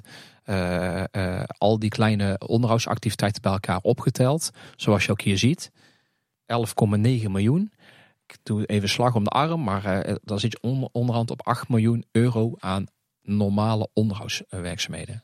En dat is dan nog alleen maar het normaal onderhoud. Want en dat, iets wat we natuurlijk niet terugzien in het jaarverslag is, wat is er nou in 2022 totaal aan onderhoud besteed? Dus ook inclusief groot onderhoud en modificaties. Wat de onderhoudswerkzaamheden zijn die denk ik bij, bij de luisteraars het meest in het oog springen. En heb je daar een beeld van als je al het onderhoud in 2022 bij elkaar zou optellen, waar moeten we dan aan denken? Ja, onderhoud kun je in verschillende categorieën uh, weergeven. Je hebt, uh, zoals jij net zei, uh, groot onderhoud. Je hebt modificatie en je hebt vervangingsinvesteringen. Nou, die zitten best wel dicht bij elkaar. Maar laten we zeggen dat dat allemaal onderhoud is. Ja, dan uh, zit je ook tot, tussen de 15 en 20 miljoen eh, euro aan onderhoudswerkzaamheden. maar die vallen dus onder de investeringen. Dus die worden geïnvesteerd en er wordt daarna op afgeschreven. Ja, omdat je, je attractie bijvoorbeeld dan als het ware weer meer waard wordt. Ja, ja. Dus eigenlijk normaal onderhoud. Hè. Stel dat je een wieltje vervangt van de Python. Uh, en je weet dat het wieltje van de Python een jaar meegaat. Dan is het normaal onderhoud. Uh, koop je een wieltje wel vijf jaar uh, meegaat, dan is het een groot onderhoud en valt hij in de investeringen en wordt erop afgeschreven. Als we de dingen bij elkaar optellen, dan zou je dus kunnen, kunnen zeggen in 2022 heeft de Efteling om en nabij 28 miljoen euro uitgegeven aan onderhoud in de breedste zin des woords. Ja. Geen wonder dat wij het altijd zo lang over onderhoud hebben. ja. Kunnen ook een, een aardige attractie van neerzetten. En dan verslons de rest, dat willen we ook niet. Precies. Dan hebben we nog een postje. De overige personeelskosten. 8,8 miljoen euro. Eh, moet ik dan aan, aan uitzendkracht of externe inhuur uh, denken? Uh, ja, er zit uh, onder andere uitzendkrachten in. Maar binnen Efteling heb je ook als medewerker een persoonlijk ontwikkelbudget. die je zelf mag inzetten voor, om jezelf te ontwikkelen. Die valt hier bijvoorbeeld ook onder. En de feestjes en partijen? Feestjes en partijen die vallen gewoon eh, in de algemene beheerskosten of in de exploitatiekosten. Jij bedoelt, jij bedoelt personeelsfeestjes, denk ik, Tim? Ja. Ja, maar personeelsfeestjes heb je natuurlijk enerzijds heb je de personeelsvereniging. Ja, dat, dat gaat ook echt via de personeelsvereniging. Daar eh, draag je als medewerker eh, elke maand een bedrag eh, eh, eh, aan af. Eh, en je hebt nog eh, wat wij dan noemen binnen de Efteling eh, de kick-off. de start van het seizoen. Die vallen gewoon in het resultaat eh, van de Efteling. We hebben net aan de, aan de omzetkant gehad over hoe stel je nou eigenlijk een, een prijs vast. Hè?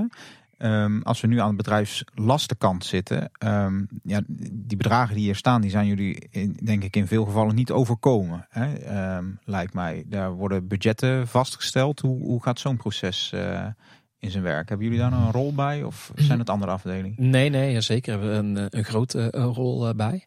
Eh, in het begin van het jaar eh, eh, stellen we eh, op basis van een, eh, een meerjarenplan op. Hè, waar willen we na naartoe? Eh, dan kijken we wat hebben we eh, vorig jaar eh, aan resultaten gehaald. Wat hebben we dit jaar aan resultaten geha- gehaald? Dan gaan we een voorstel sturen richting directie. met wat kadercijfers erin. Van ja, wat denken we waar we volgend jaar op uit moeten komen. Dat is qua bezoekers. Maar uiteindelijk ook eh, in de verblijfsaccommodatie, horeca, retail. Nou, in, in de breedste zin van het woord. eh, onderhoud en al die activiteiten. En dan komt onderaan de streep een, eh, een, een kader uit waar we aan resultaat willen halen. Dan gaan we heel het jaar met alle managers aan, aan de slag. Om te kijken hoe je de omzet kunt eh, behalen. Maar ook welke kosten je gaat maken volgend jaar. Nou, dat weet je niet altijd. Maar veel kosten kun je best wel goed inschatten. Een voorbeeld, bijvoorbeeld verzekeringspremies. Nou, het zou een beetje gek zijn als de verzekeringspremies eh, volgend jaar eh, twee keer zo hoog zijn eh, dan dit jaar. Dus wat dat betreft weet je best wel wel vaste posten. Variabele kosten, eh, ook best wel eh, soms makkelijk. Je weet je inkoopwaarde van, eh, van je food en je be- beverage. Maar we weten bijvoorbeeld ook als ik volgend jaar zoveel kamers verhuur, dan heb ik naar alle waarschijnlijkheid ook zoveel scho- schoonmaakkosten. Nou, daar maak je een budget op, of eigenlijk een begrotingsronde. Op het eind van het jaar, ongeveer in oktober, november, hebben we een begroting voor het jaar daarop. En daar gaan we dan zeg maar op 1 januari op weg. Eh, dus dat betekent uiteindelijk, eh, wat gaat het werkelijke resultaat doen ten opzichte van de begroting? Is die beter? Nou, dan- dan gaan we die verklaren. Is die eh, minder goed? Gaan we die ook verklaren en kijken hoe we die kunnen, hoe, hoe we kunnen bijsturen. Ja, precies. Want jullie monitoren dat dan dus ook gedurende het jaar waarschijnlijk. Ja, eh, eigenlijk dagelijks. De grootste hap van de kosten is overduidelijk het personeel.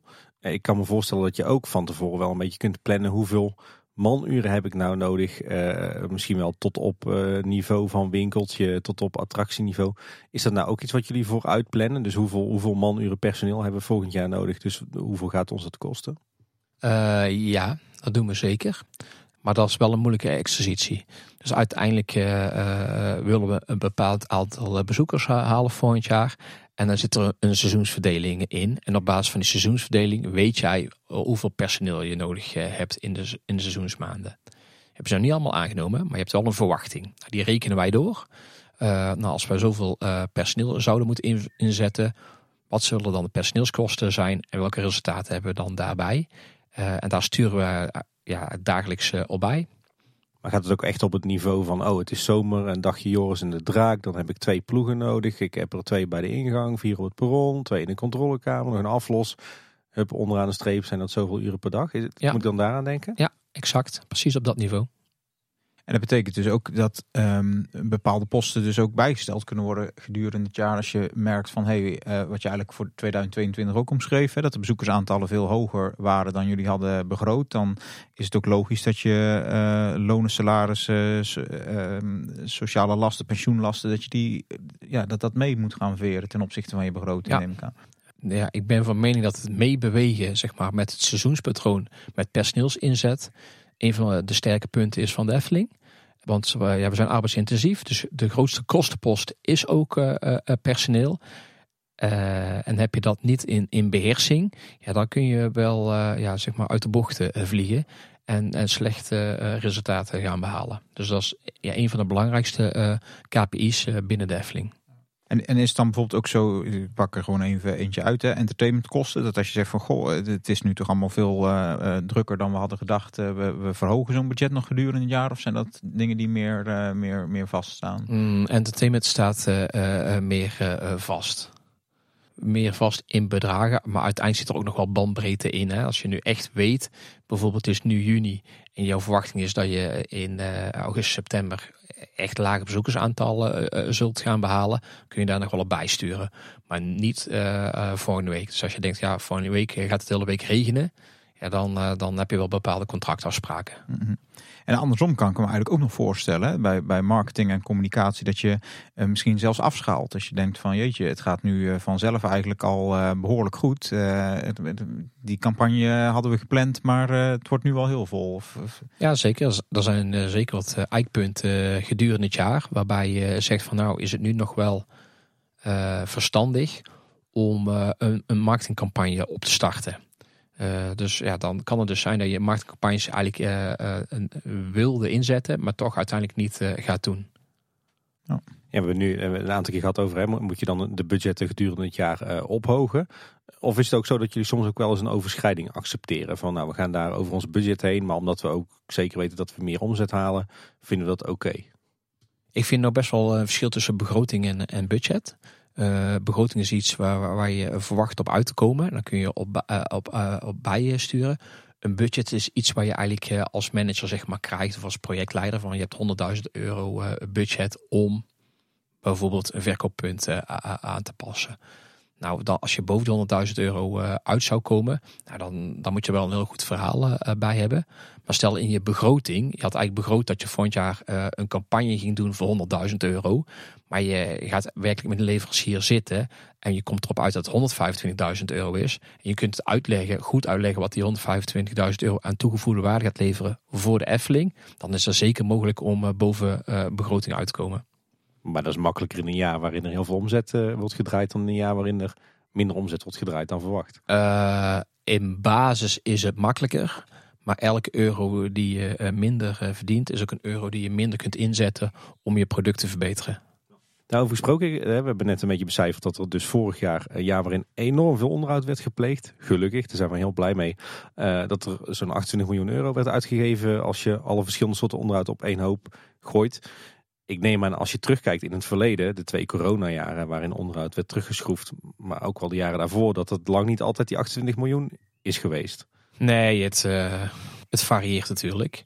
Maar uh, ja, gewoon instandhoudingsbudgetten. Uh, want eigenlijk is groot onderhoud en vervangingsinvesteringen en modificaties doe je om je, je, product in stand te houden en bepaalde kwaliteit te kunnen leveren.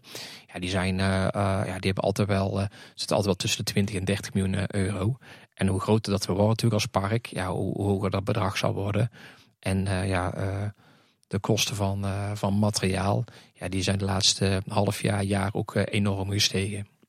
Ik denk dat we niet kunnen ontkennen dat er vorig jaar vele malen meer onderhoud is uitgevoerd dan in de coronajaren, toch? Nee, nee, maar dat is ook zeg maar een van de inhaalslagen die je ook als bedrijf moet doen.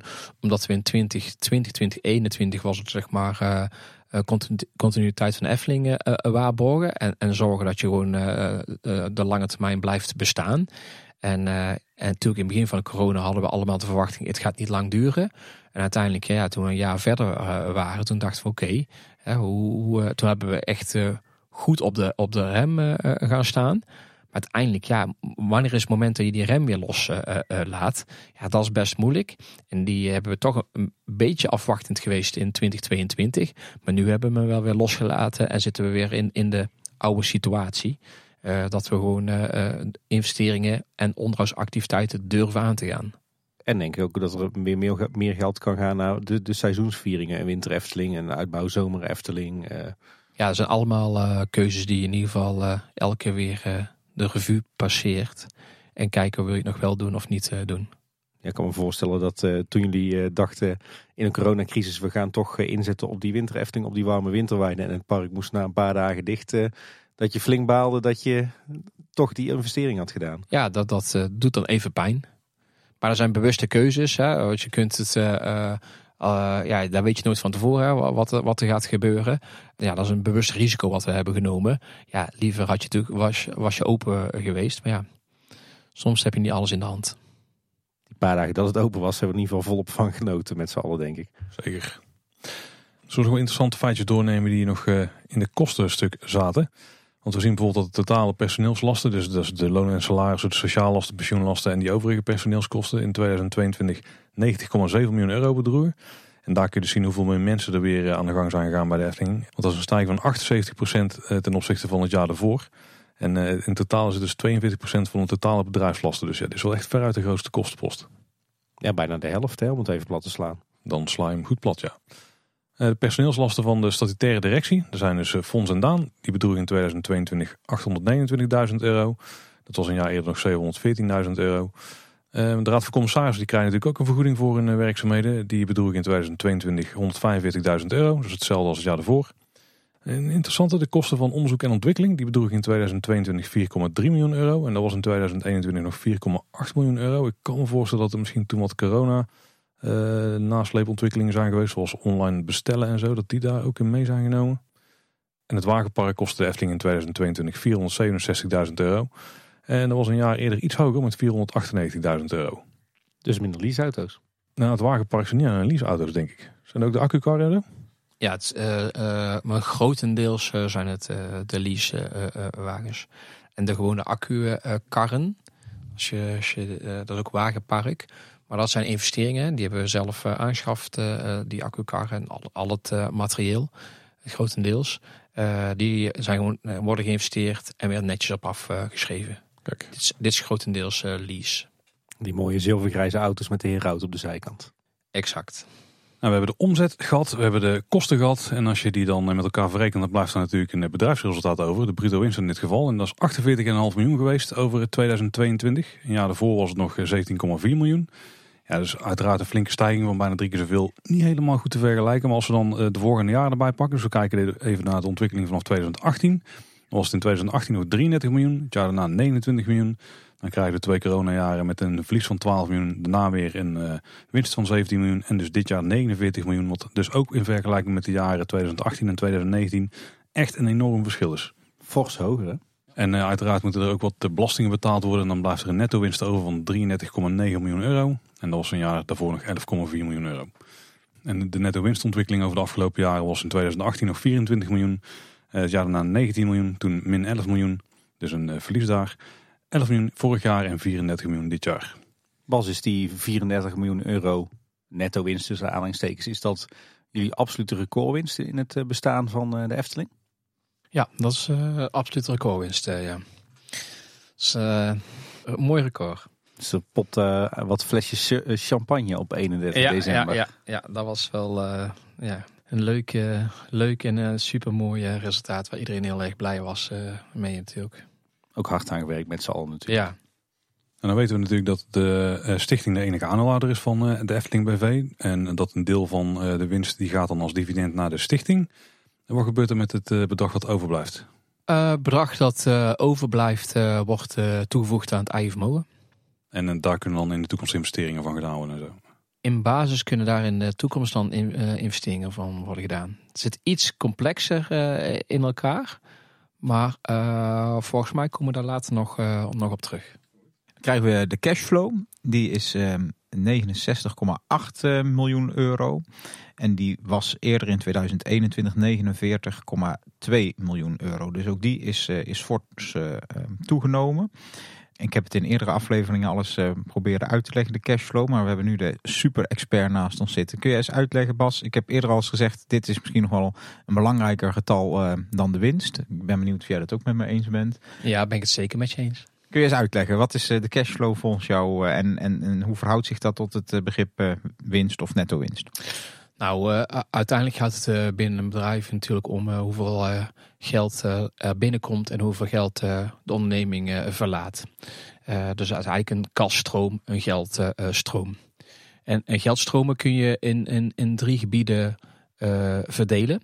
Je hebt operationele kaststroom. Dus dat is een kaststroom die je binnenhaalt, dus geld die je binnenhaalt uit je verkopen. Dus verkopen, entree, verkoop uit de horeca, retail, verblijfsaccommodaties. Je hebt een kaststroom uh, uit uh, investeringsactiviteiten.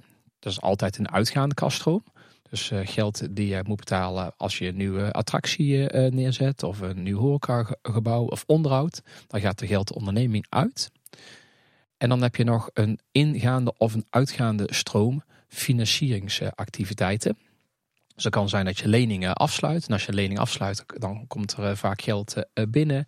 En als je moet aflossen, dan gaat er geld uit.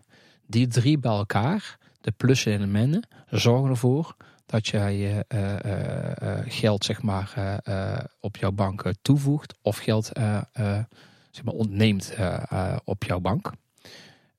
vandaar dat bijvoorbeeld netto winst, er staat onderaan de streep staat er een bedrag, maar er zit ook afschrijvingen in.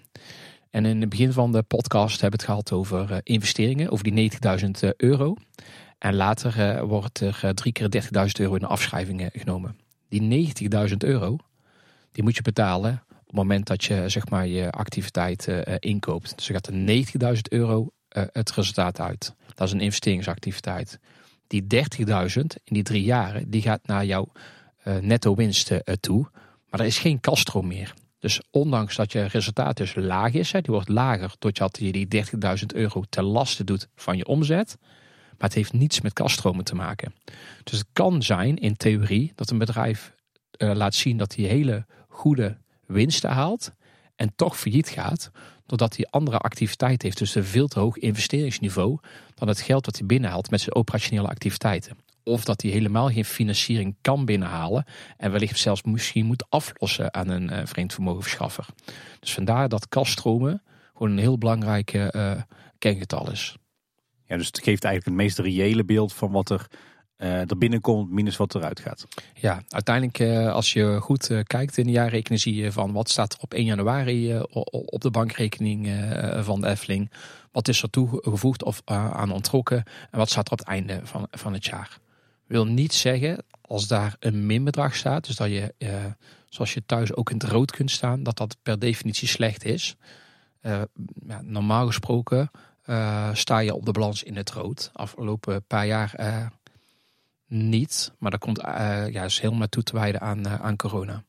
Ja, want het is een momentopname. Ook al sta je op die, het, het eikpunt in het rood. Het kan zijn dat je twee dagen later weer flink veel inkomsten hebt gehad. En dan sta je meteen weer in de plus. Ja, dat is sowieso een momentopname. Maar wij hebben in 2022, of 2020 en 2021 hebben wij,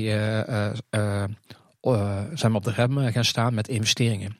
Dus we hebben wel onze operationele activiteit gedaan, maar heel weinig investeringen. Dus operationeel kwam er wel geld in, maar we deden heel weinig investeringen, dus ging heel weinig geld de onderneming uit. Vandaar dat je op je bankrekening dus eigenlijk meer toevoegt dan ontneemt. Maar dat heeft dus ook een gevolg dat je dus minder investeringen hebt gedaan. als je minder investeringen doet, korte termijn heel erg leuk. Hè? Dat is goed voor je resultaat. Maar op lange termijn is het nooit goed. Want dat betekent dus dat je niet aan het vernieuwen bent. En niet aan het vernieuwen in je product betekent uiteindelijk stilstand en achteruitgang. Wat maakt dan dat eigenlijk iedereen het toch heeft over, uh, over de, de winst en, en niet zozeer over cashflow? Tenminste, ik zeg iedereen, maar het, het gewone volk, uh, het Brabants Dagblad, het gaat altijd over omzet, kosten, winst en niet over cashflow. Ja, maar als je goed in de, in de krant altijd kijkt, hè, de ene kant is uh, zoveel omzet uh, uh, hebben ze behaald, zoveel winst hebben ze behaald, of zoveel cashflow is er binnengehaald. Ja, het zijn al drie verschillende begrippen. en voor de krantenkoppen is het gewoon fijn. Hè. Het, spreekt meer tot de verbeelding als er staat: de Effeling heeft 34 miljoen euro winst behaald. Staat beter tot verbeelding als de Effeling heeft 10 miljoen euro op de bankrekening bijgeschreven. Ja, ja. Dus het is maar, uh, ja, het is gewoon meer uh, beeldvorming. Even als we kijken naar de, de langjarige ontwikkeling en van die cashflow, dat hebben we er ook even bij gezocht in het jaarverslag. En we beginnen in 2018 was de cashflow uh, onderaan de streep 64 miljoen. 2019 was het 59 miljoen. Dan in de twee coronajaren was het 28 miljoen. en vervolgens in, in 2021 49 miljoen. En nu dus in 2022 bijna 70 miljoen euro. Betekent dat dat 2022 ook qua cashflow het recordjaar is in het hele bestaan van de Efteling? Um, dat antwoord moet ik je schuldig uh, blijven. Ik, mijn verwachting zegt van wel, maar het, het, kan best zijn dat we in het verleden een hogere cashflow uh, hebben gehad. Ja, dus omdat je dan een, een topjaar hebt qua, qua omzet en weinig investeert bijvoorbeeld. Exact. Ja, dan naar de volgende illustere afkorting, EBITDA. Eh, die was in 2022 84,4 miljoen euro. Een jaar daarvoor was nog 55,3 miljoen euro. En dan moeten we denk ik toch weer die term gaan uitleggen. Uh, EBITDA staat in ieder geval voor Earnings Before Interest, Tax, Depreciation en Amortization, als ik het allemaal goed zeg. Oftewel de winst voor aftrek van rentekosten, belastingen, afschrijvingen en afboekingen. Dus Exact. Maar Uh, mis- misschien dus- even iets meer duiden. Want Ja, ah, ah, ah, dit zit best wel in het verlengde net van, van de cash eh, eh, flow. Eh, want ik, had net uitgelegd hè, dat, dat je eigenlijk drie gebieden hebt. Operationeel eh, cashflow, investeringscashflow en financieringscashflow. En, en, en de EBITDA, die geeft eigenlijk eh, weer wat je operationele cashflow is. Dus wat heeft je operatie als kaststromen binnen, binnengehaald? Dat is eigenlijk de makkelijkste uitleg. En uiteindelijk het bedrag wat daar aan te grondslag is, is hetgene wat jouw vermogen eigenlijk opbrengt. en dat kun je toevoegen, uiteindelijk eh, in, in de breedste zin van het woord, eh, aan het eigen vermogen. Maar vaak hè, moet je ook gewoon je leningen aflossen. Dus eh dit is ook wel een, een, een, kengetal die, waar financiers heel erg goed naar kijken. Dat die boven een bepaalde ondergrens blijft. En in ons geval moet die boven de 40 miljoen euro in ieder geval blijven. Ten opzichte voor, voor ons vreemdvermogenschaffers. Ja, want als dit getal positief is, dan kun je in ieder geval, dus als je lening hebt, daar iets van, van aflossen. Exact. Eh, en als het 40 miljoen is, dan is dat dus voor jullie voldoende voor de leningen die jullie hebben? Of gaat het, werkt anders? Waar wordt die 40 miljoen ongeveer op gebaseerd? Die 40 miljoen, als je onder de 40 miljoen eh, eh, zou uitkomen en het, lenings, het aantal leningen die wij hebben, hè, dus best een hoog vreemd vermogen wat wij op de balans hebben staan, dat betekent dat het best wel moeilijk is om je vermogen af te lossen. Dus stel dat je 100 miljoen euro aan leningen hebt eh, en je hebt 40 miljoen euro aan EBITDA, dat betekent dat je minimaal vijf jaar nodig hebt om je lening eh, af eh, te lossen.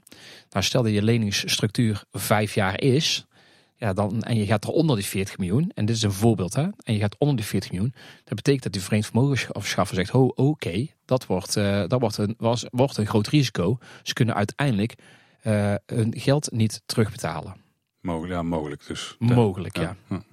En dan zal waarschijnlijk die verschaffer van het vreemd vermogen langs eh, komen om eens even goed te gaan praten. Dan komt hij langs. Ja, ja. dat, dus dat betekent dat je moet bij je eh, sturen. En bij sturen eh, ja, kan op allerlei eh, eh, manieren. Maar dan zou je bij moeten sturen. Nou, dit kengetal, hè, bijvoorbeeld de EBITDA, waar die op uit moet komen. Ja, daar, eh, daar kijken we natuurlijk nou, minimaal eh, één keer in de maand eh, heel erg goed naar. Van op welk niveau eh, eh, zitten we. En we zitten daar ruimschoots eh, eh, boven. Ook de verhouding eigen vermogen, vreemd vermogen moet ook, de solvabiliteit die je vaak eh, hoort, die moet ook in een bepaalde verhouding eh, zitten. Een ander eh, interessant onderdeel van het jaarverslag vind ik, tenminste altijd, zijn natuurlijk de investeringen. We zien dat er in eh, 2022 voor 58,2 miljoen euro is geïnvesteerd. Een enorm bedrag natuurlijk. Ik ga dan meteen aan, het, aan het nadenken van waar zou dat naartoe kunnen zijn gegaan. Ik denk bijvoorbeeld aan de, de voorbereidingen voor Huiverwoud, voor het, het eiland van de vijf zintuigen, het Efteling Grand Hotel en alle infrastructuur eromheen. Ik kan me ook voorstellen, groot onderhoud Joris en de Draak en Droomvlucht. Maar ook bijvoorbeeld de, de carports met de zonnepanelen op eh, P2 en de energiehub Anderrijk. Eh, Heb ik dan een beetje zo'n een goede inschatting van waar die 58 miljoen eh, in is gaan zitten? Ja, daar heb je een hele goede inschatting gedaan.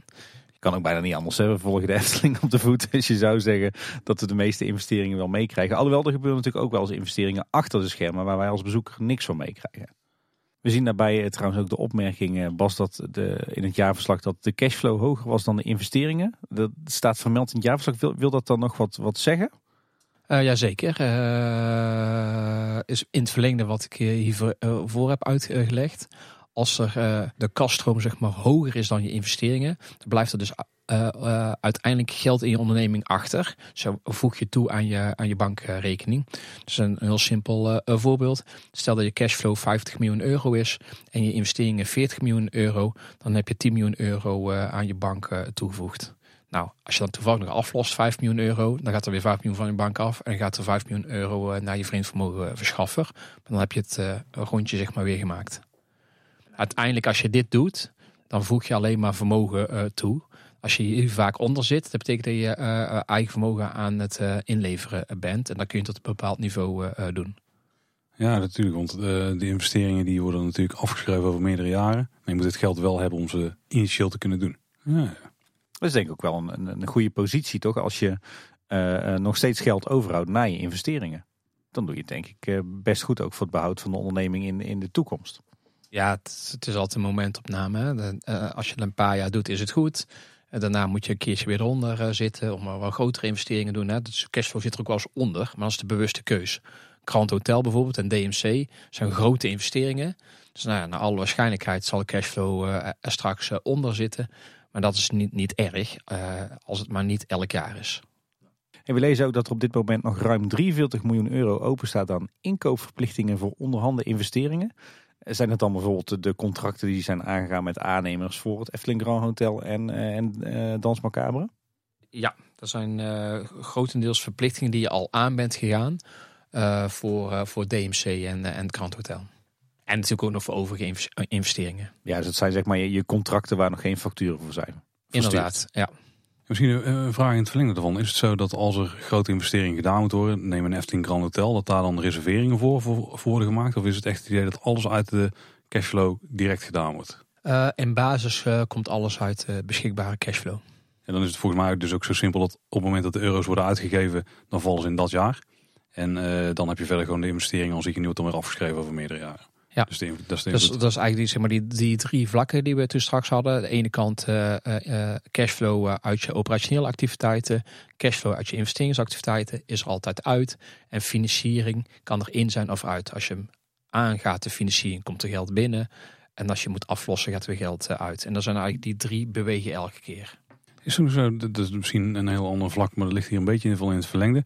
Abonnementen die worden soms per jaar betaald, eh, maar die worden een heel jaar lang gebruikt. Dus het ook zo dat als iemand een abonnement aanschaft op 1 juli, dat hij dan voor de helft in het ene jaar valt en de andere helft in het andere jaar? Ja, inderdaad. Dat is hetzelfde als eh, met uh, investeringen afschrijven. Toerekenen op het moment dat je de prestatie afneemt of levert. Ja, we hebben het over investeringen. Eh, wat ik uh, zelf wel een interessante, uh, interessante vraag vind, is als je de Efteling vergelijkt met heel veel, en uh, is een grote Europese speler. Um, vergelijk je de Efteling met andere grote spelers in Europa, bijvoorbeeld een Europa Park of een Fantasialand of Disney, dan zie je eigenlijk dat zij over het algemeen veel hogere entreeprijzen vragen. Dan hebben we het net natuurlijk al een beetje gehad over het feit wat dan de werkelijke gemiddelde entreeprijs is. Maar aan de andere kant, Efteling investeert heel erg veel. Um, en, en dat vinden wij natuurlijk fantastisch als, eh, als, als liefhebbers. Maar um, ja, hoe lang kun je dat eigenlijk volhouden, zeg maar? Die, die, ja, ja, ik heb hier relatief lage entreeprijs. Hè. Jij zegt gemiddelde entreeprijs, maar toch vind ik de Efteling geen gemiddeld park. Snap je wat ik bedoel? Dus die, die, die gemiddelde prijs, uh, prijsniveau uh, en uh, naar mijn idee een, een, een, een forse investeringsniveau. Ja, nou, nou, maar, het vergelijk met andere parken is, is best wel uh, moeilijk. Hè? Uh, Disneyland Parijs is natuurlijk van een heel andere uh, orde. Vele malen meer bezoekers. merchandise zit daar op een heel ander niveau dan bij de Efteling. Europa is ook ja, in basis wat, wat, beter vergelijkbaar. Maar toch blijft het wel heel erg moeilijk. maar in basis hebben we een aantal ratio's waar we op sturen. En als we binnen die ratio's uh, blijven, er, zijn, er zitten wat bandbreedtes uh, in, dan is het investeringsniveau wat we nu doen gewoon ja, bedrijfseconomisch gewoon verantwoord. Dat zie je ook terug in de solvabiliteit, die is heel erg hoog. dus wat dat betreft kunnen we nog wel een aantal jaartjes investeren. Misschien even heel kort door de bocht, maar betekent dat dan eigenlijk niet dat de Efteling helemaal niet zo commercieel is? Want fors investeren en een relatief lage entryprijs ten opzichte van vergelijkbare parken, dan krijg ik toch het gevoel dat, dat, ja, dat Efteling niet per se een hele commerciële speler is in de markt. Um, nou, dat denk ik wel.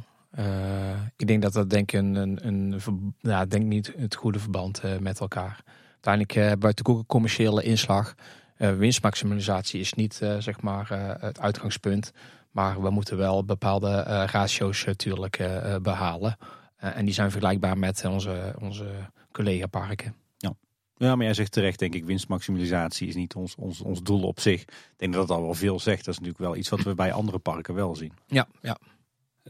De duurzaamheidsinvesteringen die de Efteling doet, zoals de energie op Anderrijk, maar ook bijvoorbeeld de investeringen in zonnepanelen en zo. Niet alleen in grote zonnepark, maar ook op verschillende daken in het park. Eh, worden die nog op een bepaalde manier meegenomen dat die in principe in de toekomst tot kostenbesparing kunnen leiden op andere vlakken? Ja, aan de ene kant hebben we uh, natuurlijk uh, duurzaamheidsdoelstellingen uh, neergelegd. Uh, ook natuurlijk vanuit uh, de maatschappelijke ontwikkelingen. Uh, de, we zijn denk ik aan onze stand verplicht om, om op duurzaamheid te investeren. Ja, dat is, kostbesparing is natuurlijk een, een goede bijkomstigheid. Maar ehm, is niet altijd het doel op zich. Maar bijvoorbeeld onafhankelijkheid van energie. Hè, dat is zeg maar eh, eh, heel, heel de energietransitie waar we eh, na- naartoe moeten. Eh, ja, en de energieprijs, ja, daar, daar moeten we wel iets eh, ja, mee doen. Daar kun, je, daar kun je gewoon niet achter eh, blijven. Ik kan me voorstellen dat voor degene die de budgetten maakt voor de... Is dat een exploitatiekosten, als ik het goed heb? Energie en exploitatiekosten, ja. Dat die wel blij zal zijn met eh, nou, een vermindering van de kosten, tenminste van energieafname van misschien wel 20% naar de twee zonneparken die eh, zijn aangebracht. Mm, jawel, maar eh, ehm, eh, jij zei toen straks ook eh terugverdienmodel. Natuurlijk, ja, eh, eh, een gedeelte van de energie, energiebehoefte wordt nu eh, geleverd eh, door, de, door de panelen. Maar de panelen hebben ook best wel een hoog investeringsniveau. Eh, uiteindelijk zitten die weer in de afschrijvingen en je met de last van je resultaat. Dus het terugverdienen heeft wel wat langere, eh, eh, ja, heeft, het is best wel een lange eh, tijd. En ik besef nu net dat de Efteling ook steeds meer dingen elektrisch doet, zoals eh frietpakken en eh, verwarmen. Dus Ja. de stroom is ook gewoon nodig. Ja, Bas, als we naar het postje kijken, immateriële vaste activa, of, of ook materiële vaste activa, die was 268,2 miljoen euro. Volgens mij zijn er dus in 2022 meer investeringen dan afschrijvingen. Ja, want om het even eh, in je Janneke niveau eh, uit te leggen. Het gaat hier dan natuurlijk om de balans. Dus eigenlijk tussen aanhalingstekens, wat is de Efteling waard? En omdat eh, de waarde van de Efteling is gestegen in 2022 ten opzichte van 2021, is het dus meer geld in de Efteling gestoken, meer geld in geïnvesteerd, dan dat eh, de eerdere investeringen minder waard zijn geworden. Dan leg ik Ja, het dan het- eh, goed uit op je Janneke niveau? Nou ja, materieel vaste activa, dat is, eh, het begrip geeft eigenlijk weer wat attracties, de investeringen in attracties, in horeca, in retail, maar ook bijvoorbeeld in je, in je softwareproducten. Dat is immaterieel, dus je kunt het niet vast pakken. Eh, die bij elkaar zijn eh, gestegen door de investeringen. En we hebben minder afgeschreven. Dus de waarde van je vaste activa is inderdaad eh, toegenomen door meer investeringen. Iets waar we het al eerder over hebben gehad, hè, die 268 miljoen. Dat is wat de Efteling nu op de balans waard is, als het ware. maar is er ook bekend wat, wat de, actuele herbouwwaarde is van de Efteling? Dus stel je zou, er zou iets heel vervelends gebeuren en je moet de Efteling vanaf de grond af aan nu opnieuw gaan opbouwen. Dat zal dan niet voor die 268 miljoen euro kunnen. Nee, want eh, de waarde van, eh, van de immaterieel vaste activa eh, is niet wat de Efteling waard is. Wat de Efteling waard is, dat is een marktwaardeberekening. maar wat, wat er op de balans staat is, als je 100 euro hebt ge- geïnvesteerd... En, eh, investering betekent ook gewoon eh, de factuur die je van leverancier hebt gehad voor het materiaal. Dat is die 100 euro dan. En in een aantal jaren eh, schrijf je af, dan heb je boekwaarde. Dit geeft weer de boekwaarde van de vaste activa. Dus dat is administratieve boekwaarde. Maar de marktwaarde kan vele malen hoger zijn.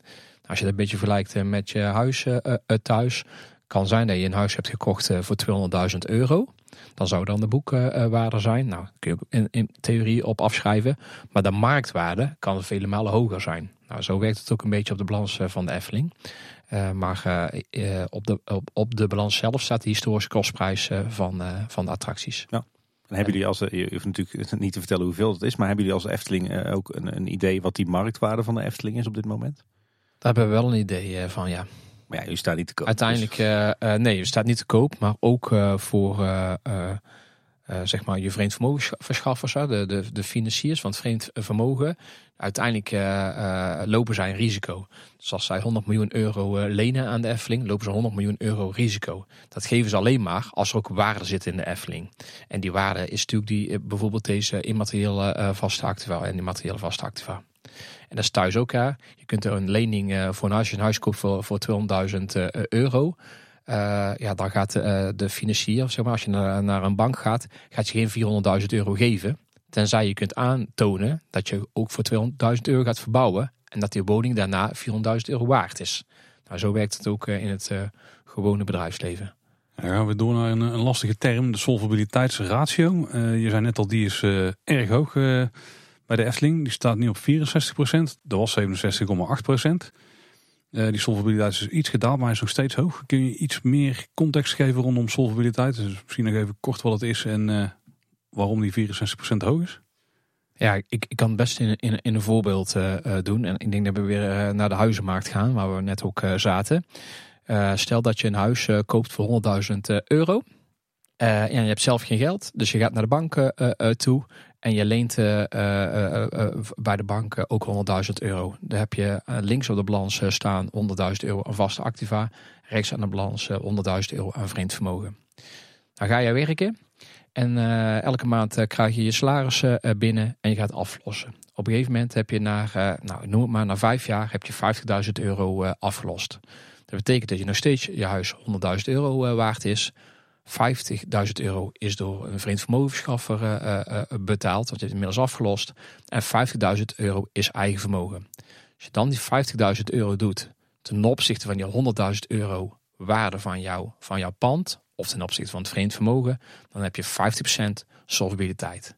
Dus in dit geval, in dit voorbeeld, als wij nu de Efteling hebben 64% aan solvabiliteit, dan zou dan zeg maar op ten opzichte van die 100.000 euro, dat we 64.000 euro eigen vermogen in, in de stenen hebben zitten. En 36.000 euro vreemd vermogen. En dat gaat puur over de... eh, In dit geval een, een, een boekwaarde. Maar de- om een beetje de systematiek uit te leggen wat solvabiliteitsratio is, is gewoon een verhouding tussen je eigen vermogen en het vreemd vermogen. En vreemd vermogen is niet alleen het geld wat je hebt gekregen van een financier. Maar bijvoorbeeld als jij eh, eh, materiaal hebt ingekocht en je krijgt een factuur en je hebt die factuur nog niet betaald. Dan is het een kortlopende schuld op 31 december eh, op je balans. En dat is ook vreemd vermogen, maar dat is kortlopend vreemd vermogen. Want het houdt dus nog niet van jou, want je hebt de factuur nog niet betaald. Ja, geldt dat dan ook voor eh, die abonnementsgelden bijvoorbeeld, die, die nog een half jaar... eh, Dat geldt ook voor abonnementsgelden. Ah, gelden. Maar bijvoorbeeld ook opbouw van eh, eh, eh, vakantiedagen van je personeel. Ah, ja. Die wordt één keer per jaar eh, uitbetaald. Je hebt een opbouw elke maand. Op 31 staat er best wel een hoog bedrag aan schuld aan je personeel. Dan ga je betalen. En in ons geval in mei eh, wordt ons vakantiegeld eh, uitbetaald. Dat is ook een schuld. Ja, dat is 7 twaalfde van 8% van de totale loonsom ongeveer. Ja. Dus eh, Ja. dat is Dus wel een aardig bedrag. Dat is een aardig bedrag, ja. Goed, de solvabiliteitsratio van de Efteling is dus 64%. Ik kan me voorstellen dat een park wat ontzettend veel eh, geleend heeft voor zijn investeringen en ook veel investeringen heeft gedaan, dat die solvabiliteit veel lager ligt. Ja, die ligt dan veel lager. En, en die solvabiliteit moet wel in verhouding zijn. Stel dat je eh, gaat omslaan, hè, dat, eh, dat je zeg maar veel meer vreemd vermogen hebt dan eigen vermogen. Ja, dan, dan, ja, dan moet je die ratio's wel goed in de gaten gaan houden voor, voor de lange termijn. En er zijn bedrijven waarbij je dat kunt verklaren dat het wel kan. Maar bij de Efteling, eh, als we onder eh, de 45% komen, dan, eh, dan gaan we echt wel opletten. Dan eh, komen we wel in, in, in de gevarenzone. Ja, want dan, dan leef je als het ware te veel van geleend geld. Ja, en dan komt, en, dan komt er te weinig binnen. En de solvabiliteit is een beetje gedaald ten opzichte van vorig jaar. Maar met de, de hernieuwde wijsheden die we hier opgedaan, zit dat denk ik dus voor een groot deel in het stijgen van het personeelsbestand en de kosten die daarmee gemoeid gaan. De investeringen die jullie hebben gedaan en dat soort eh, zaken. Het grootste gedeelte zit in, in kortlopende eh, schulden. Dus niet in het vreemd vermogen van de, eh, van, van de banken. Maar en best wel goed te verklaren. En bijvoorbeeld bij leveranciers. Op in 2021 deden we natuurlijk nog niet zoveel activiteiten, niet veel inkopen. Dus niet veel eh, eh, food en beverage eh, inkopen, maar ook geen retail, maar ook geen materialen voor onderhoud. Dus de positie van crediteuren is hoger dan in, in 2021. Vandaar dat je daar, en dit is een momentopname, vandaar dat je daar een beweging in, ziet. Ja, dan gaan we eens naar de mensen kijken. Ehm, naar het aantal FTE wat Efteling heeft. Dus het aantal fulltime employees. En dan meteen een vraag erover. Eh, als wij het over FTE hebben bij ons op het werk, dan betekent dat dat je 40 uur per week werkt. Dat is één FTE. Is dat bij de Efteling ook zo? Want als ik vacatures zie, gaat het vaak over 36 of 38 uur die je werkt. Waarschijnlijk bouw je dan iets meer vakantie op. Nee, bij ons is een eh, volledig contract eh, 38 uur eh, in de Eftelingen in dit geval. Dus het, hetzelfde principe als wat jij net aanhaalde bij 40 uur, maar bij de Efteling is het 38 uur. Dus als één persoon, persoon het gehele jaar eh, 38 uur eh, per week eh, werkt met zijn vakantiedagen, et cetera, er vanaf, dan is het één FTE. Als je nu twee personen hebt die eh, 19 uur eh, eh, werken, dan is het nog steeds één FTE. Precies. En als we dan op die manier gaan kijken naar de mensen binnen de Efteling. Dan was het aantal FTE in 2022 1701. Een jaar eerder was het nog 1475. Dus een stijging van 15 procent. Ook niet zo vreemd als we die twee jaren vergelijken. Waarvan eh 1528 in het park, 62 in het hotel. Wat ik vrij laag vind eigenlijk. Maar de schoonmaak valt er natuurlijk buiten, want extern geregeld. Eh, Bosrijk 63 personen, het Loonse Land 48 personen. Nou, er waren daadwerkelijk vijf medewerkers die in het buitenland werkzaam waren. Allemaal in de marketing. Dit waren jaar eerder nog zeven. En als we dan eh, de FT-ontwikkeling, dus de algemene FT-ontwikkeling gaan kijken over 2018 tot en met 2022, dan eh, ging de Efteling van 1610 FTE naar 1673 FTE. Dan hebben we de, de coronadip met 1551 en 1475 FTE. En het grootste aantal FTE ooit in een jaar in de Efteling was dus wel in 2022 met 1701. Dat is ook nog een flinke stijging ten opzichte van eh, 2019. Ja, maar deze is op zich uh, makkelijk, want het is gewoon te relateren aan, de, uh, aan het aantal eh, bezoekers die we binnen hebben gehaald. Dus de enorme drukte en de hoge bezettingspercentages bij, bij verblijf. Dus we hebben gewoon meer personeel moeten inzetten om onze activiteiten te, kunnen, te kunnen uitvoeren. En is het puur het aantal mensen wat bij de Efteling op de loonlijst staat of zijn het ook externe? Nee, dus puur op de loonlijst bij de Efteling. En, en hoeveel, om hoeveel medewerkers hebben we het dan eigenlijk? Hè? Want in, in veel bedrijven is het, het aantal medewerkers en het aantal FTE's aan elkaar niet veel ontlopen als er uh, weinig parttime werk uh, is. Bij de Efteling hebben we natuurlijk te maken met, uh, met ook heel veel vakantie- en, en weekendkrachten. en misschien ook contracten van 16, 20, 24 uur. Um, daar zal een flink verschil tussen zitten dan. Het uh, ligt er natuurlijk aan op welk moment je het meet. Hè. Uh, op één, uh, als je echt naar arbeidscontracten of aantal mensen op arbeidscontracten wilt kijken, meet je het op 1 maart, 1 juli, 31, 12. Maar het fluctueert ongeveer tussen de 2800 en 3500 arbeidscontracten. Dat is volgens mij, als ik kijk naar die 3500, dat is dat betekent dus dat, dat het gemiddelde aantal uren wat een Efteling-medewerker heeft, is eigenlijk een, een, een halve werkweek, dus 19 uur. Ja, maar dan, dan heb je het echt over vaste medewerkers. Maar je hebt natuurlijk ook veel vakantiekrachten die in, in het seizoen uh, werken.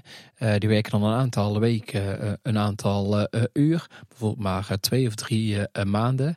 En een FTE zegt iets op jaarbasis. Vandaar dat je die grote verschuiving ziet. Dus op 1 juli zijn er natuurlijk veel meer arbeidscontracten dan bijvoorbeeld op 1 november. Duidelijk. We hebben ook nog een statistiekje over de bedrijfsopbrengsten per FTE. Dus als je totaal omzet deelt door het aantal FTE, wat blijft er dan onderaan de streep over? En dat is in 2018 was het 139.000 euro. Een jaar later 136.000 euro. Nou, in de eerste coronajaar lag die flink wel lager. 2020 was namelijk 90.000 euro. Een jaar later 107.000 euro. Maar ook daar dit jaar, ik weet niet zeker of dat dit een record is. In ieder geval de afgelopen vijf jaar. 156.000 euro. Mooie opbrengst per FTE. Nou, iedere fulltime medewerker heeft dus 156.000 euro verdiend voor de Efteling. Ook weer uh, je met Janneke. en gemiddeld genomen, ja, ja, ja. Nou, daar komt het uh, uiteindelijk wel op neer. Uh, een belangrijk ding dat er tegenover is natuurlijk wat zijn de arbeidskosten geweest per FTE. of die ook zijn toegenomen of niet. Nou, als je die twee van elkaar afhaalt, hè, de bedrijfsopbrengsten en, en, en, de personeelskosten, dan kun je wel iets zeggen over, over marges en over, over productiviteit. Oeh, dat hebben we nog niet uitgerekend. Volgend jaar zullen we het paraat hebben. Roel, schrijf je mee? Tuurlijk. Of je moet het gewoon netjes in, in je verslag zetten, Bas. Dan kun je het gewoon zo opleveren. Ja, ja, ja. Er staan er in het algemeen nog een aantal opvallende zaken in het jaarverslag. En daar wil je uiteraard ook even bij stilstaan. Uh, de NOW was een ding wat de gemoederen wel bezig hield. Niet alleen rondom de Efteling, maar gewoon in heel Nederland. In 2022 heeft de Efteling NOW ontvangen. Maar die hebben ze ook volledig weer terugbetaald. Want de resultaten die waren gewoon prima in de rest van het jaar. Want die is in het begin van het jaar ontvangen. Die steun bedroeg 5,1 miljoen euro.